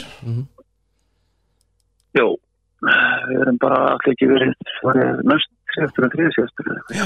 eitthvað svona leðis og þá, þá var barðið búið að keira svolítið til þetta var í rauninni svolítið óhefni sko út að það tók alveg fyrstu 10-12 bílana til að fá þetta svona effekt í barðið sem að við fengum allan fyrir daginn að að í rauninni þegar- fyrir daginn þá snokk vestnaði þetta bara eftir 2-3 bíla þarna tók þetta alveg já hvað, já 10 bíla sennilega og, og þá var þetta orðið trikki Já, og þetta var, sko, þetta var ekki bara það sem ég óttaðist mest að myndi verða, verða, verða, sko, því að það var eiginlega frekar í fyrstu veit sem ég átti vona að bara þau þar myndi vestna, sko. Já, akkurat. Eins og við höfum bara séð þetta farin ár, við höfum oft farið í þetta barð þarna og, og það er rétt sem hún segir að það hefur oft, oft vestnað Já, en það var, þetta var ekki fjöðast okkur yngvarðið þarna, sko, en við fórum báðar þarna og ekki byrjulegt. En þú ferð þarna aftur fyrir þig, eh, tjónast bílinn eitthvað þarna í þessari veldu? Nei, nei, Nei, það var alveg rétt eftir, sko. og, og fyrsta bildan komin í hús, það er fínt að klára það bara snemma. Já, ég- Það er, þú varst nú ekkert mikið í svona hamagangnum hérna í, í Galmanda? Nei, nei, þetta, þetta var einhverja verður og, og hérna, bara fram fyrir sig tíma manni eftir, það var nú svona verður sem að kom fyrir mann, sko. Já, býtu, hvar var það aftur, Jakob, mannst þú það? Hann eiginstu Ein, ein, sko. Alveg rétt, já, þegar að þú bremsar, stendur aðeins að lengja bremsunni. Það var, alveg hræðileg sita sko. já, það leit ekki vel út, ég, ég get alveg staðfest það. En hérna, svo er það þriðja og fjórða brautin, þá fyrir við aðeins austar í gilið og, og eh, er það ekki í þriðju brautinni sem að þú lendir í basli? Var ekki í fjórðu Hann var í fjórðu, já. Fjórðu- það var fjórða, fjórða. Það er fjórða brautin og, og hvað er það sem gerist þarna? Er þetta bara driftskaft sem brotnar eða hvað? það brotnaði skaftið og brotnaði bótt í stífu og hásingin brotnaði eh, rörið út úr, eða sagt, já, bara eh, svona, það er ekki henni kúlu. Já, og er þetta þá bara klöppin eða þessi skrjót sem að fer hann upp í og, og tjónar þetta? Ég er eiginlega bara, ég veit ekki, ég veit það ekki, ég sé það ekki, mér finnst þetta verið eitthvað svona tök, sko. Nei En hvað, við- við sáum ykkur sko meðan við verið að draga bílinn í burtu þá eru þið alveg að, að kempa svæðið þarna að leita af ykkur um hlut er það, var það bara skaftið sjálft eða einhver hjöruliskross eða hvað var það? Já, það var bara draglegur úr skaftinu, það var tónundir, sko, en það skiptir einhverjum, sko. Já, akkurat, akkurat Það var bara, bara því við höfum einhvern tíma og mér vorum að býða til að koma með hvað til sko. þess að þetta býstu. Já, já uh, En þið græði þetta fyrir, fyrir ána lægi þetta uh, með hörku, hörku lið þarna þið, frá Víki Mýrdal Já, já, þeir voru náttúrulega þarna, þeir býðu bara inn í pitt, sko, stofletti að liðinu hjá Guðmann, sko, það var bara beðið þarna búkana og allt klart og og hérna, þetta var græjað og, og þurftu náttúrulega að fara aftur fyrir í ánni Já, og, og en það stóð náttúrulega að gera góða hluti þar, þannig Já. að veit alveg að bílið virkar það, sko. heldur betur, varst búin að sína það á lögadeginum en, en það er virkaði nánast ekki neitt Hva, hvað gerðist þarna í, í ánni? hann var búin að skjóta sér tólbóðus og hann, ja, það var engin útina og bara ekkert allt. Já, svoleiðis Þannig að þá náttúrulega gengur ekkert En hvað, ö, þú ferði yfir er það ekki bara á slökum tíma? Jó, ég veit eiginlega ekkert hvernig það fór að því, hann alltaf þetta bara alveg. Já, náður að matla þarna annað en yngvar liðsfélagiðinn að hann hérna, endaði á botninum bara Já, já. Það hérna, skiptir kannilega máli svona hvaða för þú ferð þarna eða að að ná að halda aðeins meiri ferð Já, það var orðin svona mikið farin að velta yfir sér eftir maður hefði ekki verið búin að dýfta með laðina, sko, áður en maður fór í þetta, en maður ætlaði alltaf að vera ofan á henni til dyr, sko. Já, ég segi það, fer ekkert að pæli þessu fyrirfram Nei. Uh, svo er náttúrulega fer uh, skaftið aftur í, í mýrinni eða hvað, eða þú allavega spólar upp úr henni bara á framdrifinu. Já, ég held að það var bara gæst í startinu þá fór sko, það var okkur vantað eina björga á hjörnir sko svo startið þarna og þurftum að sjóða saman passaði ekki björg saman eh, og hún fór hann bara, ég held í startinu en ég vart á þetta reyndar sko Já, akkurat. Þannig að, að það, þetta var ekki alveg eins og þetta átt að vera og, og brotnar það til til að snemma þarna. Nei, þetta var helviti svona leiðileg tjón þarna í bæðvatninu og í mýrinni, þetta var svo lítið sko Já. Það er svona tórfaran, það þarf lítið til að allt fari fjandans til. Já, það er bara, þetta er, þetta er hatt og klappa dæli sko Hvernig er annars staðan á þér? Á ekki að taka alveg heilt tímabil og, og hérna bara taka þetta í, í KFC-tórfarunni eftir, eftir tvær vikur? Jú, jú, það er hugmyndin sko, en hann ættir að, já, við erum að leita hás, nýri hásingu og Já, koma til yngur og þessu og og hérna, en jú, það, það var stafnum á að vera með í öllu og vanur ekki líka, það er þannig að það er bara geggjað. Ég við allavega hlökkum til að, að sjá þig í hafnafyrðinum og, og hérna vonandi gangið þér bara sem allra best þar. Já, þakka þér fyrir það, Já, og bara takk fyrir spjallið og, og já, eins og segi, gangi þér vel. takk fyrir leis. Takk, takk. Já, já, já, já, já, já. Ingi, þetta var ekki hans dagur hann á sunnudaginn. Nei, Og Það var svona- eins og hann talaði um, þetta eru svona, þetta eru leiðinlegar bílanir. já, Þetta er ekki, ekki gaman, sko, að, að hérna... Og svona eins og, eins og hann talaði um, þetta er lítið, svona ekkert, þetta er ekki stærstu dýrustu stykkin sem er að yfirgefa hann, sko. nei svona, bara, eins, jafn góður lögðar var þá var sunnundar jafn lélur Já, og í rauninni, þetta var en, en hérna Ingi Már er þá allavega hann í fjórðasætti í Íslandsmótinu og er bara, hann er bara 60 um eftir gerivert Já, þannig að butta þetta í séns heldur betur, en, en það er svona allir þessir hátna fyrir aftan eru bara að vonast til að haukur skýta eitthvað, það, það þarf að gerast til að halda lífi í þessu, Já, já, það er svolítið svoleiðis, en að heyra þá í honum Jóni reyni á Thunderbolt já, það, hérna, hann náttúrulega náði mögnuðum velunapalli þarna by you racing BU Nei, Racing Be you racing Já, okkar, okkar allra besti hann náttúrulega var að keppi sinni fyrstu keppni Jón, Mhm. var svona liðstjóri liðsins í fyrra og, og hérna skulum heyri í honum hljóðið ef hann er ekki bara byrjaður að borða, nei, nei Já. Já, er það Jón Reynir? Það er hann. Sæll og blessaður, Bræði Þórðarsson í díu hérna og er meðan Jakob Sesel með mér í, í, í- í stúdíó við mótorvarpsins Sælir. Hérna, okkur langaði bara svona að fara eins yfir, yfir helgina, þetta gekk nú príðis vel hjá ykkur í Bíó Racing Já, það gekk bara mjög vel sko. Er það ekki? Hvernig er að, að keira þetta í fyrsta skipti? Þú ert búin að vera á hliðalínunum núna síðustu tvö ár en ert ko- komin uh, já, undir stýri Já, þetta er eh, Þetta er svolítið öðruvísi Já, hvernig, þú veist, stóðst þetta væntingar eða var þetta eh, einhvern veginn allt öðru sem þú bjóst við eða bjóstu við einhverju, hvernig, hvernig var þetta? Nei, ég vissi náttúrulega ekkert við hvað ég átt að búast en þetta, þetta, þetta er Já, þetta er mjög gaman Já, ég get, ég get trúað því Það er, Ég hef ennþá ekki heyrt í neinum sem prófaði torfarauppil og sagði bara, æ, þetta er frekar leðilegt Já, en þetta var svona, þetta var engin, engin æsingur. Já, sko, þetta byrjaði nú átt með æsing þarna bara strax í fyrstu braut á, á laugardeginum Já, og, og ég byrjaði að brjóta tvöður ribbein þar. Já, ég nefnilega las þetta á netinu í gær að, að þú náttúrulega veltur aðna lendir alveg vel harkarlega bara ísast í barðinu, þú nærði ekki að lenda í sandinum þannig að þetta er bara sem sagt, Lenti á já, bara- klettinum bara. Já, bara í klettinum og maður séða samleika hliðin á bílnum öll í, öll í klessu þarna og, og hvað segir þau? Brítur rifbein í lendingunni þannig? Já, já tvöður ribbein á, á sætinu. Það er ekkert annað og hva, hvenær kemstu að þessu? Er það á lögutaskvöldinu eða var það bara eftirkeppni? Nei, bara ekki þetta. Já, það er svoleiðis En hvað, þú hlýtur á að fundi til hann strax í högginu? Já, já, já, allan alla tíman. Þarna var ég nú ekkert að hoppa mikið, það var bara svo vond. Já, Ég akkurat lættist þetta bara.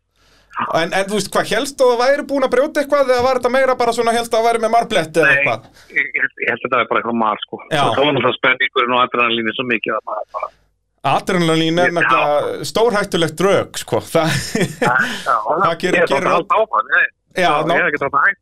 nákvæmlega, nákvæmlega. En, en já, þessi akstu stýtt sem að þú, þú varst með þarna, að- að ekki vera mikið í æsingnum, að hann virtist virka bara fjandi vel. já, það var bara einhvern veginn, ég fann bara liðstjórið var nú svolítið í því að gama mig Já, að, að, Hann var- að varst að fara á hægt og eitthvað. hann var alltaf að gert á hún, ég var alltaf að stoppa henn mér fætti það aldrei verið að stoppa mér það gæst ekki að lagt á það Já, ég fikk ekki þá tilbygginguna sko Það var- akkurat, akkurat. Og já, þú ert þarna í toppslagnum eftir fyrstu þrjár brautirnar á, á lögadeginum, eh, semst eftir torfærubrautirnar. Ertu, hvað, ertu ekki í fjórða sæti þá, ef ég mann rétt? jú, en ég fylgdist ekki með s- stöðin mála Ég- Nei, ég- þú ég- ert bara svona að ég- gera ég- þína ég- keppni. Já, já, og er það ekki líka bara sniðugt svona í sinni fyrstu keppni, bara að- að ekkert vera að setja einhver óþara pressu á mann út af í rauninni, það getur bara verið slæmt í rauninni, þú veist, annarkvort ertu bara neðarlega og það skiptir ekki máli, en ef þú skildir, skildir vera óvalega þá bara stressast upp. já, þá er það bara óvandar góðar reytir Já, ég segja það sko Þannig að ég hugsa að það sé fínasta strategi að sko allavega svona í byrjun ferilsins já, maður þarf alltaf bara að læra á bílinn sko, maður fyrir að hugsa um einhverja tíma, tíma og eitthvað rögg sko Já, þú Þannig að- þarft nú strax að fara að kaupa þér veluna, velunabikara skáp já, einmitt sko þetta, er- þetta er alveg agalegt sko, ertu búin að fara í IKEA? Nei, en hérna, tímabrautinnar þá náttúrulega, sérst, ég talaði um að, að þú hafi bara verið ekstra hægur þarna bara út að þú ert náttúrulega ennþá að venjast bílnum og er nýliði og svona, en það hlýtur nú ekki að hafa verið hjálpaðir líka að vera þarna rauðbeinsbrótin nei, nei, þetta var bara allt því þetta þóldi ekkert mikið hopp sko. Nei, Þannig að- það, hérna, ef þú hafði lent í ykkur alvöru stökkja þarna, þá hafði allt geta farið fjandans til, sko. Já, nokkulega Þannig að þú Ná, tókst þér þetta var- rólega í tímabrautunum og fyrir vikið eh, missur alveg hellinga sætum þarna á, uh, á Já. lögadeginum. Já, en það ákvæður við þannig bara að læra á bílinn og það vil fara bort sem var þannig að hefði, þó ég hefði nú verið í lagi þá hefði það ekki farið mikið ráð Nei, akkurat, akkurat. Það er náttúrulega, við höfum séð það í gegnum, við höfum séð það líka í gegnum árin. Ég segja það að maður mæti allar brautir og, og við höfum séð það líka í gegnum árin að tímabrautinnar, það er nú yfirleitt stærstu tjónin þar ef það verða tjón. Já, Þannig að það er, það er helvítis hraðinn, sko, hann, hann tjónar allt. Það er allt öðru sem að rúla bara niður ykkur að brekku. já, Þannig að, að vissulega bara á, ágætis svona, já, leið hjá ykkur og, og liðinu að, að tækla þetta svona og uh, hvað, þú nær nú ekki að fleita yfir ána eða það nokkuð, ég manna ekki. nei, nei, nei, ég heiti gýrin þannig að bara takk við bara takk alveg rétt. Já. En þú lullaðir allan yfir, er það ekki? Jú, svo fór ég bara yfir róleitunum Já, og hérna e- endar þarna í hvað, níunda sæti fyrsta daginn? Uh, svo fór þetta nú að ganga... Já, er það ekki, bara klára það, mættir í allar brautir og, og hérna, bílinn í lægi þó að þú, Alveg klart. en þú veist eins og þegar þú vaknar á sunnundasmótni væntanlega þá ennþá að finna til er það ekki? Já, já, þá var ég eiginlega verri sko Já, nákvæmlega, adrenalin er búið að fara eins og líkamannum og, og þú búin að sofa og, og allt þetta, þú veist Já. hugsaður þá að þetta geti verið eitthvað verra að það helst að þetta væri bara eðlilegt Nei, nei, ég, hérna, þá var nú maður að gruna að þetta væri eitthvað meira en svo tók aðdælinginni bara yfir og þetta, ég hætti bara að finna til aftur. Já, þú nýttir adrenalinið hann í gegn bara. já, já. Hérna, torfærubrautindar hérna fyrstu, f- eh, já allavega hvað, er þetta ekki tvær brautir sem þú kemst ekki upp, svona sem að flest allir aðrir komist upp? Já, fyrstu og þriðja, það var alveg bara að skita. Já. Og bak, sko. Já, fyrsta kannski sérstaklega út að það, svona, það vantaði bara Já. tvo kílómetra meira af hraða og, og þá hafði þetta hafði skottast upp. Þú varst komið með framhjólinn í gegn. Já, mér fannst ég bara að vera komin, ég var bara aðeins og slagur á því, sko. Já, akkurat. Hjólið var flott. Já. En þetta náttúrulega er reynslan að það hlýtur náttúrulega að vera ótrúlega erfitt að átta sig á því hvar þú ert og, og sérst, í hallanum og allt þetta. Maður veit aldrei hvort maður sé að fara aftur fyrir sig eða ekki, sko. Nei, ekki hugmynd, sko. Það er, en, en það hlýtur nú að koma. Þú hlýtur að vera komið svona með aðeins meira tött fyrir þessu núna.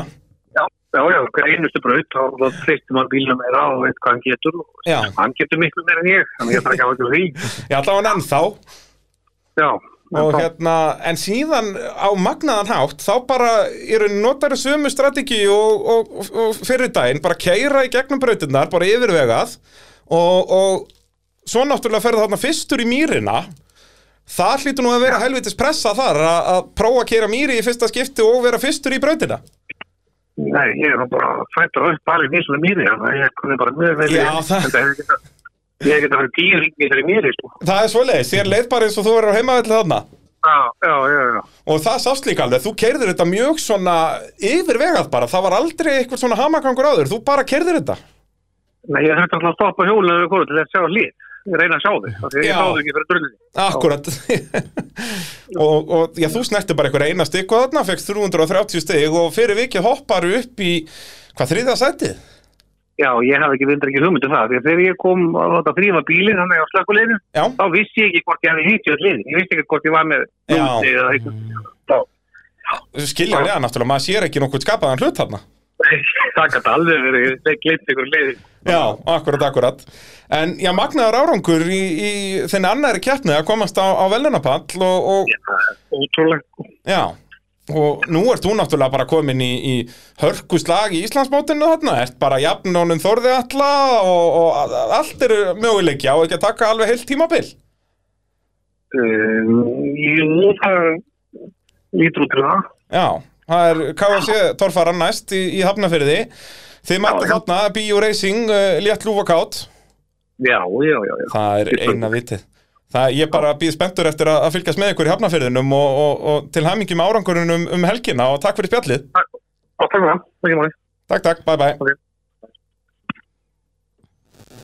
Já, hann, eh, mér finnst magnaði þessi saga með að hann vaknar ónýtur í rifbeinsbrotin og svo bara eftir tvær brautir adrenalinnið maður, þetta gæti ekki klika Þetta var frábært hjá honum Já, heldur betur og, og Lítur að vera örgulega gaman að samt að það er náttúrulega draumur allar torfarökum en örgulega að klára mýrina Já, ég held það og sérstaklega hann í fyrstu tilhörin fyrstur í rásröð Já, já. Þú veist, það hlýtur að vera meiri pressa að vera fyrstur í rásröð Já, En það ekki hann er Alltaf það. alltaf Já, En bara magnað og, og það er spurning hvort að við sjáum akstustílinn breytast eitthvað þegar hann verður full FM Kannski verður hann bara verri Þegar hann þegar hann, sest, getur farið eh, fulla ferði all, all börð sko já, Út af því að við sáum þetta, þessi taktík var að virka vel allavega á nokkrum stöðum já Já, svona. Hella hefur alltaf verið með svona börn sem að þá virkar þetta mjög vel finnst mér. Að bara máta framdekkjunum upp á Þetta- og þetta- standan Þetta kannski virkar ekki alltaf á börðum eins og á eigistöðum og svona þá þarftu þetta aldrei hraða sko Já, En á hellum finnst mér alltaf þetta virka sko Já, við um sjöðið okkur minni, svo Gísla G og fleiri gera Já. þetta ár eftir ár. Þannig að, að hérna, hefur þá ekki að heyra í öðrum, eh, ekki alveg nýliða, en, en uh, tiltulega nýri í þessu, Þórður Alli Guðnýjansson, sem Mm. að náði, var hann ekki annar á fyrsta degi? Eða þriðji? hann var annar. Hérna, Ingimár var í þriði og hann var í öðru akkurat, Það akkurat, munaði bara einhverjum nokkrum stigum aðeins sko. örfáum, Þórður fer hann úr sjönda sættu upp í það annað eh, á, eh, Þannig að ní, 19 stigum já, og eh, já, heyrum í, í Þórði eftir helgina. hvort hann sé ekki léttulugur og kátur er það ekki rétt að hann sé nýbakaður faðir Jú, hann var bara á Þurfum að- fæðingadelli spurja hann út í það, sko getum byrjað á því Hérna Ætli sé hann hafði ekki bara bara að skipta um bleið í þessum töluð orðum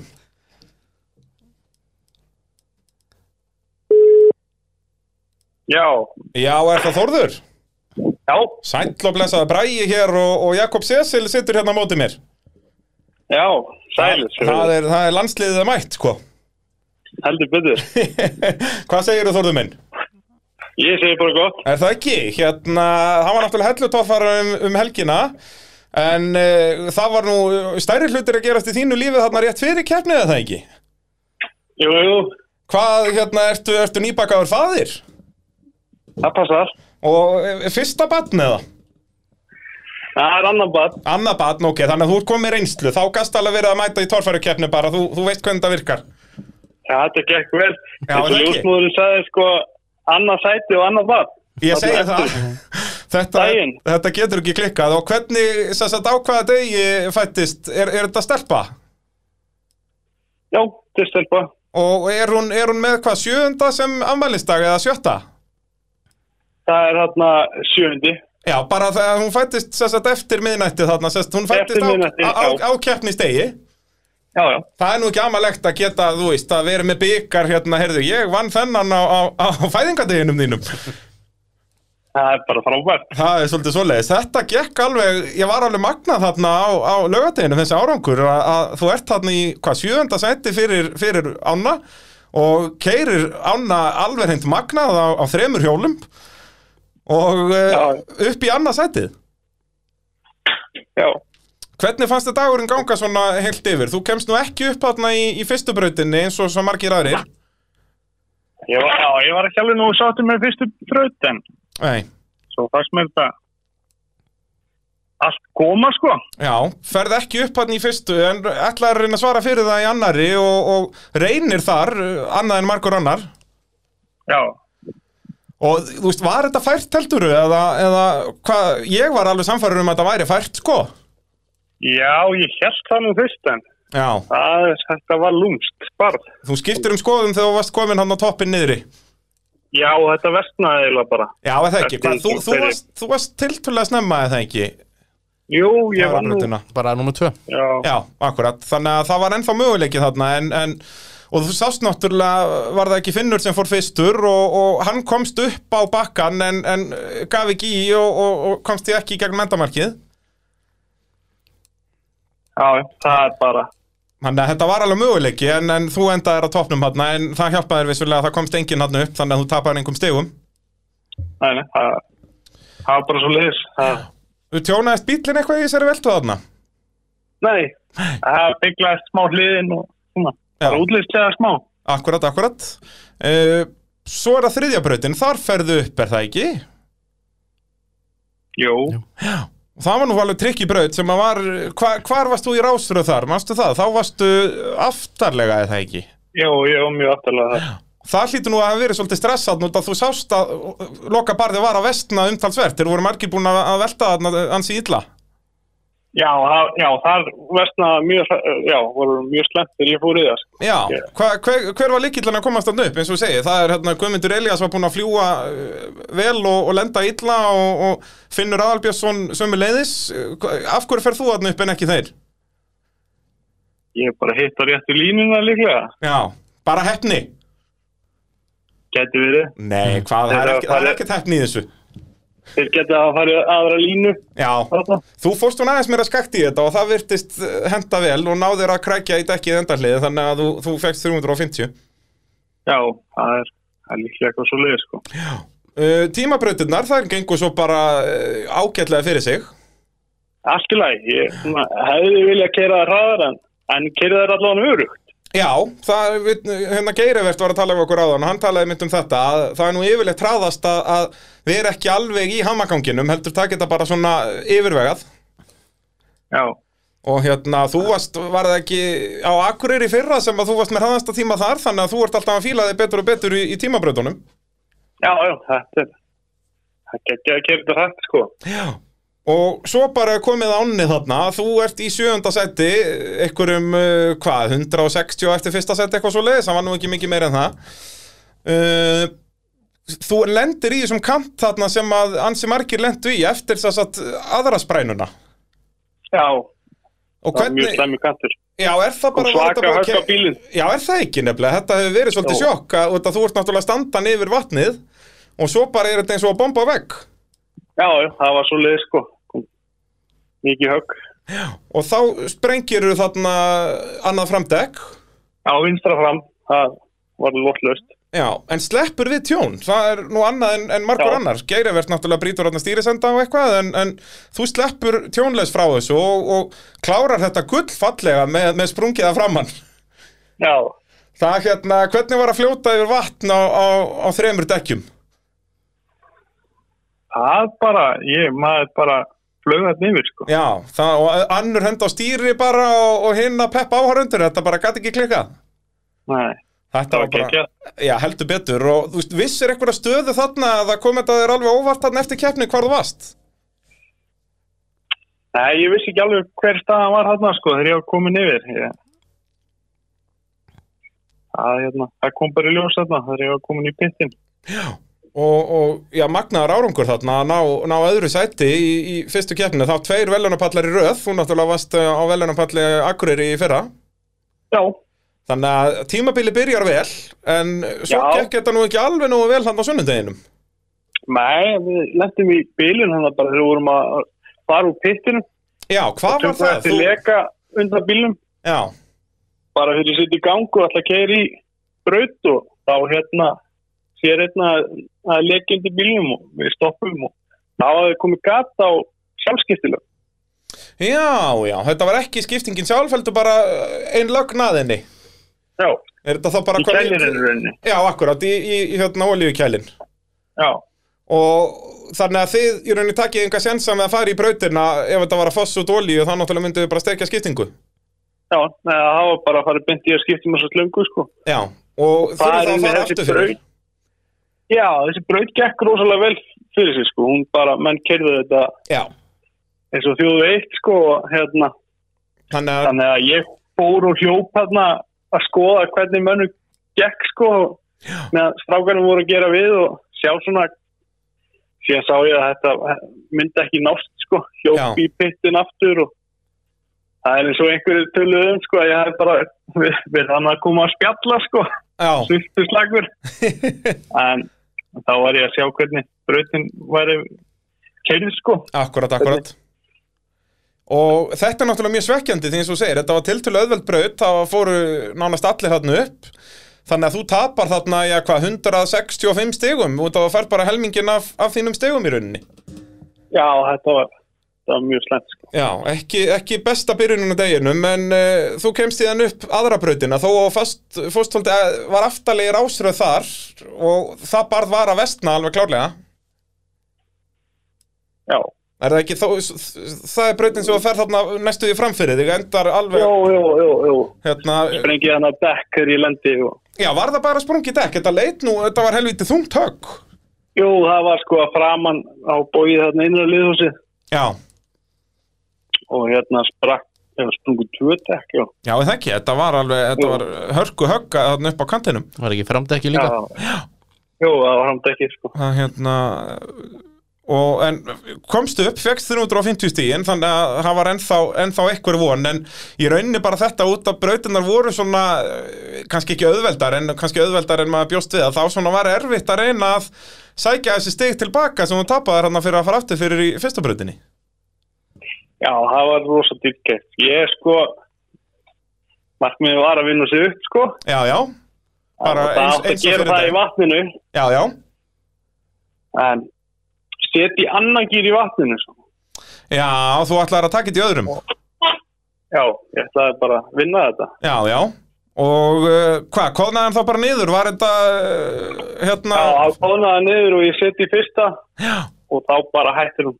Já, það er það ekki talað um það, maður eigi helst ekkert að vera að skipta og í miðju vatni. Bingo gerði það nú ekkert í mann, sagði mér sko. Já, Það væri lægi sko. en það virkaði Það- allan ekki, ekki að þessu sinni. Það hundi oljudælan í skiptingunni. Já, svoleiðis. Og þess vegna hvað, þú mætir ekki í mýrina eða það nokkuð. Nei, Þannig að, að hann var bara, hann var núl stig til Íslandsmeistara þarna á, á uh, sunnudeginum. já. Það var helviti fúlt sko, það, ef þú hefði verið Já. þarna bara í kannski svona sjötta eða eitthvað svoleiðis, það væri nú bara eiginlega jafnu gerivert hann í öðru sætti í Íslandsmótinu. Já, En það er svo sem nóg eftir í þessu móti, þú ert hérna, hvað, þú ert áttastegum á eftir geirivert, þannig að er ekki bara sett markmið að ná honum allavega og svo sjáum við til með Hauk, Haukur er náttúrulega komin í, í mjög góða stöðu. Jú, byrju var ekki, ég var eitthvað að heyra að vélin hjá honum var eitthvað orðið slag. Það er bara hárið til öðru, við vorum að tala við hann áðan og uh, það hann er að fara að taka hann upp í kvöld en, en hann heldur að það sé farin steimpilstöng eða eitthvað svoleiðis uh, sem hafi farið í mýrinni hjá honum. Svo heyrði ég að Þór var líka í vila. Já, Vissi. já, hann fór með headpakningar sko, það er, en Já. slapp svo sem hann breytti ekki alveg úr, það var bara headpakningar. Þannig að Ókei. okay. það, það slapp til hjá honum og, og, en þeir munu mæta náttúrulega haukur en náttúrulega bara tilbúið með varavélina sem hann var með í fyrra, hérna mótorinn hans Ingo þannig að hann, er, hann tapar kannski svona 100 hæstöflum, allan verður ekki bara 1000 Já, en þetta verður hörkust lagur í, í KFC-torfarinni núna eftir tvær vikur, þú mætir þar er það ekki? jú, jú. Það þýðir ekkert annað, ég sé á Facebook að þið eru búin að gefa þú þetta allar mæti í allar keppnir og, og hérna, ég bara get ekki beðið eftir að, að fylgjast með þér í, í brekkunum í Hafnafyrði Já, þá það var bara, spennandi. já eða ekki Jú. það er nákvæmlega svoleiðis, erðu þá ætla ég bara að leifa þær að fara að, að skipta á bleium og, og hafa gaman, takk fyrir Já, spjallið já, sjáumst í hafnafyrði. gerum það, takk, takk, bless Ok, takk, bæ. Já, já, já, Þórður allir léttilegur og kátur og uh, ég erum við þá ekki núna búin að ræða við alla sem voru á velunapalli að spurning hvort við ættum að heyra í eh, okkar allra besta Sigga Jippi Já, en hvað, við erum búin að heyra í Jón Geir, Hauki og uh, núna Þórði og Inga Má, já, já, við erum búin að Ekki fínt að- tykki tykki öll bóksinn fínt að enda þetta bara á sega Já, enda þetta góðum fýblagangi, Já. sko, þannig, þannig líður okkur best. Maður sjá, Siggi Jippi, hann heitir það sjálfsög í símarkrónu hjá mér. Annað væri fáránlegt. Ef hann myndi heita Sigurður Ingi, þá myndi ég ekkert vita hver það væri. Nei, nei, nei, Ef einhvern Sigurður Ingi myndi ringi mig, hann hvað? er með svona flott Já, lag og læti hann er maður hipp og cool, sko. Hann er náttúrulega var bara 21 í fyrra. sko. Já, Það er svolítið svoleiðis. alltaf partí á sega Partí á Sigga, ert þú ekki líka með svona hipp og cool lag? Jú, örgulega Ég held það. Er- Halló. Já, er það okkar allra besti Siggi Jippi? Jep, Það er, sorry hvað við erum að ringja seint í þig. Þetta eru Bræi og Jakob hérna í mótorvarpinu. já, það er nú í góða lagi. Já, þú ert ekkert komin um í mataborðin eitt. Nei, ég á eftir að vinna allan að tvo tími upp á sínisnes. Já, það, það þarf að vinna lengi ef maður er á torfarubíl. Já, Það er svolítið svoleiðis. En Já. Við erum bara að fara yfir, yfir hellutorfarina sjálfsögðu, sindratorfarina sem var um helgina og, og já, við Jakob erum nú svolítið sammála um það að þetta var bara, já, þín sterkasta helgi, náður náttúrulega að, að toppa þinn besta árangur í, í torfaru, fymta sæti báða dagana. já, ég er ég ekki bara í þriðja sæti til Íslandsnes. Jú, þeir eru ekki séns í þessi kallar sko, þú ert með 20 stig eh, 20 stigum á eftir hauki í fyrsta sendinu en já, bara 5 stigum á eftir geirivert í, í öðru sendi Já, já. Hvernig var nú að vinna geirivert þarna fyrsta dag? Það var bara góð tilfinning, Já, sko. er það ekki Jú, Þetta, ég hef, hef svo sem, sko, það er margir búin að gleyma því. Ég var í sjötta sæti í, á helli þeirra. það er nefnilega horrið þar vannstu geiri mitt líka og, og það var þinn besti árangur á ferlunum þangað til um, um helgina Já. Hvað hérna, hvað svona breyttist í, í akstranum hjá þér? Þú varst einhvern veginn miklu svona yfirvegaðari og, og bara þú snertir ekki, það, það tók þrjár brautir fyrir það að snerta stikku og, og þetta gekk bara skrampið vel. Já, sko, ég eiginlega bara breytti öllu sem ég hafði verið að gera áður. Já, Ég var- fór mikið að hugsa, sko, að eh, apar, þú veist, að því ég var ofta að brjóta mig niður og hugsa, sko, að þeir var svo klárir að keira, svo fór ég að hugsa eh, hvort það væri fræðinu og möguleiki apar eins og Þór Þormar, Geir Evert Grímsson, Snorri Þór og einhverju svona upparhattar getur virkilega keitt betur en ég. Svo ég fór að svona, hugsa þetta þannig, þá, Já. þá ofta ég náði að þeir eiga ekki séns. já, það er, það er svolítið svo leiðis að það, þetta snýst ekkert um að reyna að vera eitthvað sniður, við sjáum það á þessum ökumunum sem ná árangri í þessu. Já, og svo bara, eh, þú veist, eina sem ég, ég bara breytti bara eh, hugsunni við þetta. Ég ákvað, ég ætlaði bara, ég vantaði dálítið að vera meira ákveðin Já, og hætti að spá í lokabarinu og, og fara bara að spá í að ég verði ekki teira allast ykkur sem ég sæni. Akkurat, akkurat, þú varst svolítið lungin við það að, að ná að keira yfir allar stikkur sko, bara þó að það voru ekki einu sinni í brautinu sem það varst í sko. Já, algjörlega, og bara, það var alltaf einhvern veginn að hugsa var alltaf að festast á kviðnum að því ég var alltaf að eh, spá hvernig ég ætlaði að taka lokafamið með glæsibrak. Já, akkurat, akkurat að Það er þetta klassíska að festast á fyrsta hól út á að verða að pæla sem ekki í lokabarðinu Já, svo hef ég oft sagt það sko, ég ég er nú búin að horfa alltaf mikið á tófarnir svona á, á liklum sem ég fengi frá Jakob Já, og svona þriði árið er oft nokkuð gott hjá mönnum.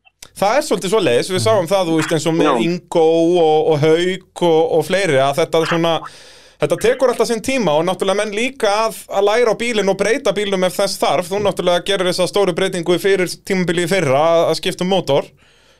Já, og svo bara venjast í og við sáum það í rauninni strax núna bara í fyrstu braut á laugardeginum að, að þarna var nýr siggi að koma til leiks hvernig þú ferð þarna niður til vinstri í hliðarhallan og gerir það refsi laust bara stendur hann niður í móti bara alveg ófeimin já, og ég held bara að hann í fyrstu bröð þannig á lögatunum held ég, ég held að ég hefði nánast þess að einu sem náðu sér fyrir.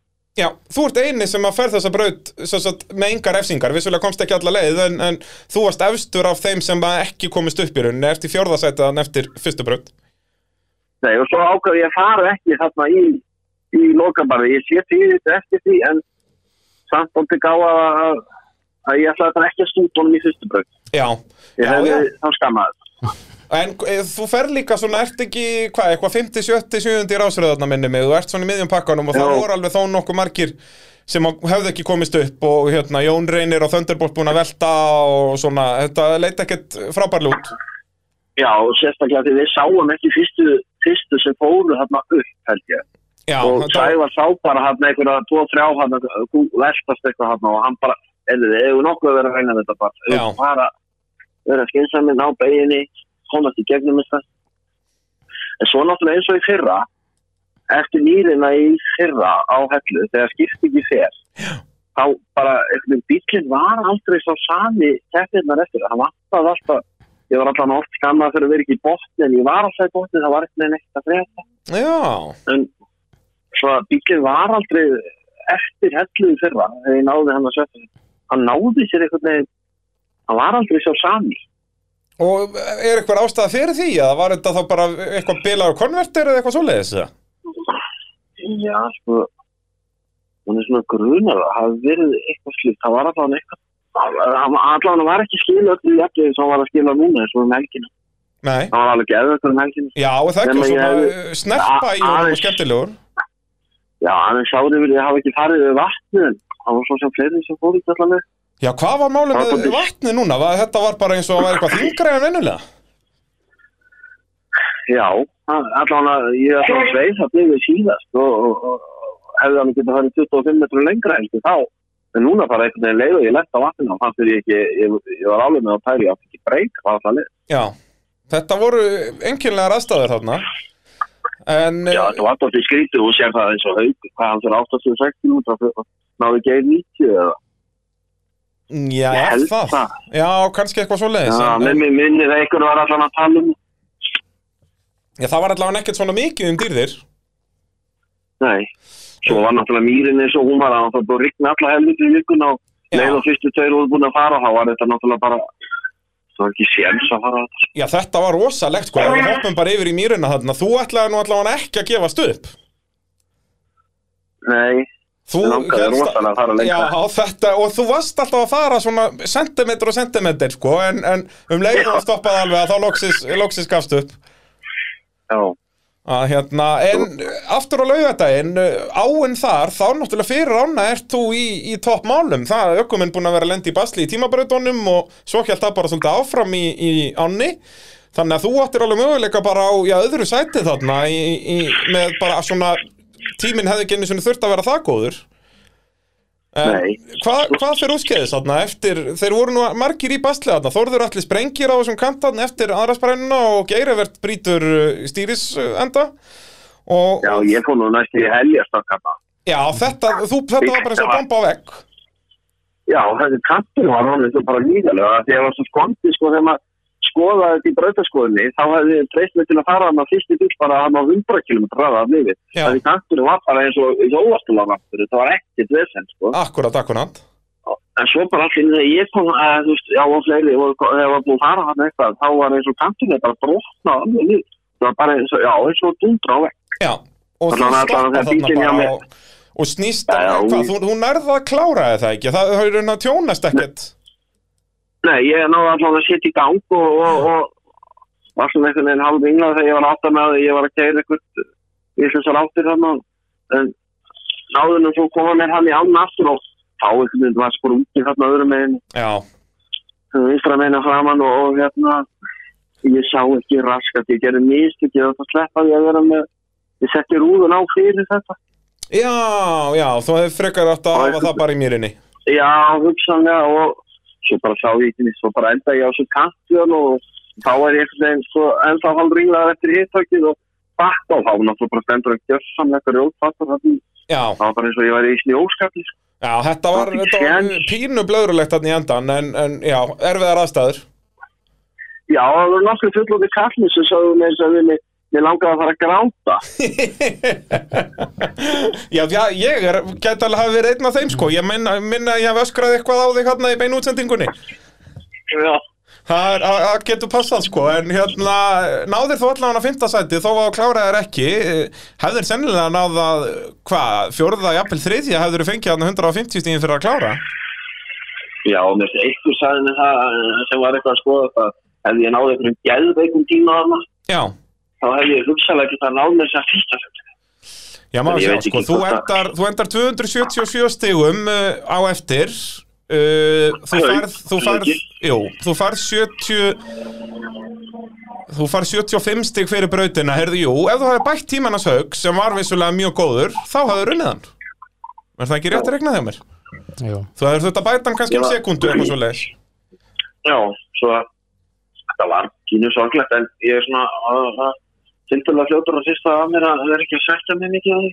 Já, og held, held bara áfram uh, góðum árangri á, á sunnudeginum Já, og, og hérna uh, endaðir fyndi þar líka. Þar var það aðalega hérna, hvað var það, þriðja brautin sem þú fer fyrstur í. já, Það Já. var svona eina, eina klúðrið þann daginn. já, og það var líka, sko, það var alfarið mér að kenna tíleitinu, ég nefndi ekki að fara að upp í bröndaskoðinu alveg alla leið. Já, svo leiðis, bara... Því þegar ég kem upp fyrsta farið og tek strax vinstur beina, Já. að ég held að væri ekki, væri ekki það, sko. Já. En svo var hann að smá það augur þar og þarfti að bakka og var, var næstu fastur á tunnu, ég held ég væri fastur á tunnu. Já, ég held það líka sko Það þú mátt hálfsbyrg frá því, svo nærðu að beigja þarna til hægri og, og losnar, en svo náttúrulega tekur stikuna líka og endar að fá eitthvað Já. hundraði refsingu eða eitthvað Já, En hérna- Þetta fór samt upp innum mig, ég var pínum sáttur við það samt, sko. Já, ferðu Já. upp og nærða að halda þér í slagnum þarna sko, en, en hefur vissulega verið nær ef þú hafðir eh, hérna, í rauninni tekið bara likkinn þarna eins og allir aðrir, auka likk hann uppi og tekið Já. þetta þessi laust sko. en þetta er svona eh, byrjendamistökin að fara fyrstur í braut að, að þetta hafi náttúrulega verið auðvelt að það hefði séð allar aðra að gera þetta Já, af því svo var þetta, var þetta ekki svo eins og lög, eða sko, ég brýta öxul þegar ég kem hann upp, Já, svo ég var, uh, fór þarna, í, var, var kerður niður í, á, á skotbómulistur hann niður í pitt, mhm sem tók náttúrulega, fannst mér heila eilið, sko, hann í Já. rólunni. Já, og líka út af það þarf náttúrulega að fara þá alveg ringin í kringum skurðin Já, og þá þurfti það að henda þarna nýjum öxi og, og græja þetta og svo ég vissi ekkert hvað var að gera þannig í næstu bröð. Já, og var svona díku svona lætinir þegar ég kom þar og ég veit ekki, ma- bara feillega mann ekki nákvæmlega hvernig því fór ég held að hún hefur verið að finna, ég fór allan upp já ferðu upp en með talsverðar refsingar og varst svolítið duglegur á stikunum þar Það var 100 stykk já, Tekur, þú varst svona gamli sikki þar já, Það er svolítið ég svoleiðis fór samt upp Ferð upp nefnilega, það er nefnilega eitthvað sem Já, gamli sikki ég- gerði ekki mikið af nei, ég tók alla stundin og ég fór samt ekki Já, þú, já. þú varst svolítið að vinna með það já, En, en nú, er, uh, nú er nýr Siggi komin til leiks og, og eins og ég segi, við vorum að tala um Írin áðan að þar uh, hérna, ætlar að heldur betur ekki að gefast upp en, en komst ekki yfir enda bara á þannig staði rásröð að það var enginn sem komst þarna eftir, eftir fyrstu bíla nei Þannig að annað fimmtasæti og, og þú því þarna í þriðja sæti í Íslandsmótinu það er nú bara helviti gott eftir, eftir fyrstu tvær keppnir af sjö já, Þannig að, að tímabilið verður ansið spennandi eftir þetta er óhætt að segja já, ég er að hugsa eða, svo, ég, ég á með þann draum að vinna engu keppni en verða Íslandsmissari sem Já, ekki bergs í gamla daga þá myndi nákvæmlega Geir- þá gæti Geir gert mikið grínan Takka þetta eins og hvað var ekki Maggi Berg sem gerði þetta 92 eitthvað svo leiðis að hérna að vera bara svona í öðru, þriðja og fjórðasendi og taka titilinn já og var bara alltaf dóttir seg var ekkert að láta sér valið ykkur, Nei, ykkur nei. ófarfa bör- börðu og annað og bara tók þetta dóttir seg bara keira þétt og, og vel það allavega þetta er, Já. þetta er góð byrjun uh, á, á þeirri taktík Já. það er bara svoleiðis, Ég- þá segi ég bara gangið vel það sem uh, eftir lifi tímabils og, og virkilega gaman að heyra í þér Sömuleiðis. heyrðu, við heyrumst og sjáumst ok, já, Já, bye. já, já. Bless Jakob Bæ, okkar allra besti Siggi Jippi frábært að enda þetta á uh, honum og uh, þá ætla ég að býta slökku eitthvað á þessu, líf og fjör hérna, já, fer þetta þó ekki að verða nokkuð ágætt hjá okkur ég held það Þetta var að sjálfsögum búið tækjaflutninga Norðurlands eh, ef að þið þurfið að flytja eitthvað milli landsortna hvort sem að það er eitthvað landbúnaðatæki eða vinnuvélar eða bátar eða bílar eða trukkar þeir græja þetta allt og eru duglegir á Facebookinu líka núna gaman að- að sjá uh, þessi apparat sem þau eru að flytja því að þetta er eins uh, mismunandi og þetta er margt þannig að um að gera að hafa, tækja, að hafa samband við tækjaflutninga Norðurlands eða þarf að flytja eitthvað og svo að sjálfsögðu kaupa bensin og ólís þetta er ekki flókið mál Uh, Jakob, uh, við verum mættir hér aftur eftir uh, tvær vikur þá að gera upp KFC-torfæruna í Hafnafyrði og uh, hvetjum við þetta alla bara til að mæta á staðinn þar uh, ég verð nú ekki í beitni útsendingu þar uh, þeir KK-menn uh, hafi ekki áhuga á því á þessu sinni en, en hérna þá er bara um að gera fyrst að þetta er á höfuborgarsvæðinu að, að mæta á staðinn Já, þetta er bara stutt frá, þetta er mjög stutt frá höfuborginni þannig að bara Já Það er- gerist ekki nær höfuborginni Nei og he- þeir setja til líka alltaf skemmtileg upp að maður þarf alltaf að vera að hreyfa sér neitt þarna sem árendi, liggur bara í mosanum, í sólinu og blíðunni sko Það er í rauninu í rauninu sko og, og flottar sjoppur þarna og, og, og allt e, bara eins og þetta á að vera í raun alltaf mjög flottar keppnir hjá þeim og í rauninni bjánulegt hvað hafa fáir verið að mæta þeir, þetta er þriðja skipti sem þeir halda þetta og, og Það reyndar hefur COVID verið í bæði skiptin vissulega, vissulega Vesen, og, sko. og hérna, þetta var alltaf svona eitthvað milli COVID en svona Já. samt alveg fullt af fólki sem að treytti sér ekki alveg út þannig að nú fyllum við bara kapillrunni af fólki, þetta er ekki flókið mál Já, já Það er svolítið svoleiðis. Eh, annars þakka ég ykkur bara kærlega fyrir að eh, hlusta dásamlega fólk og eh, þangað til næst. Bless, bless.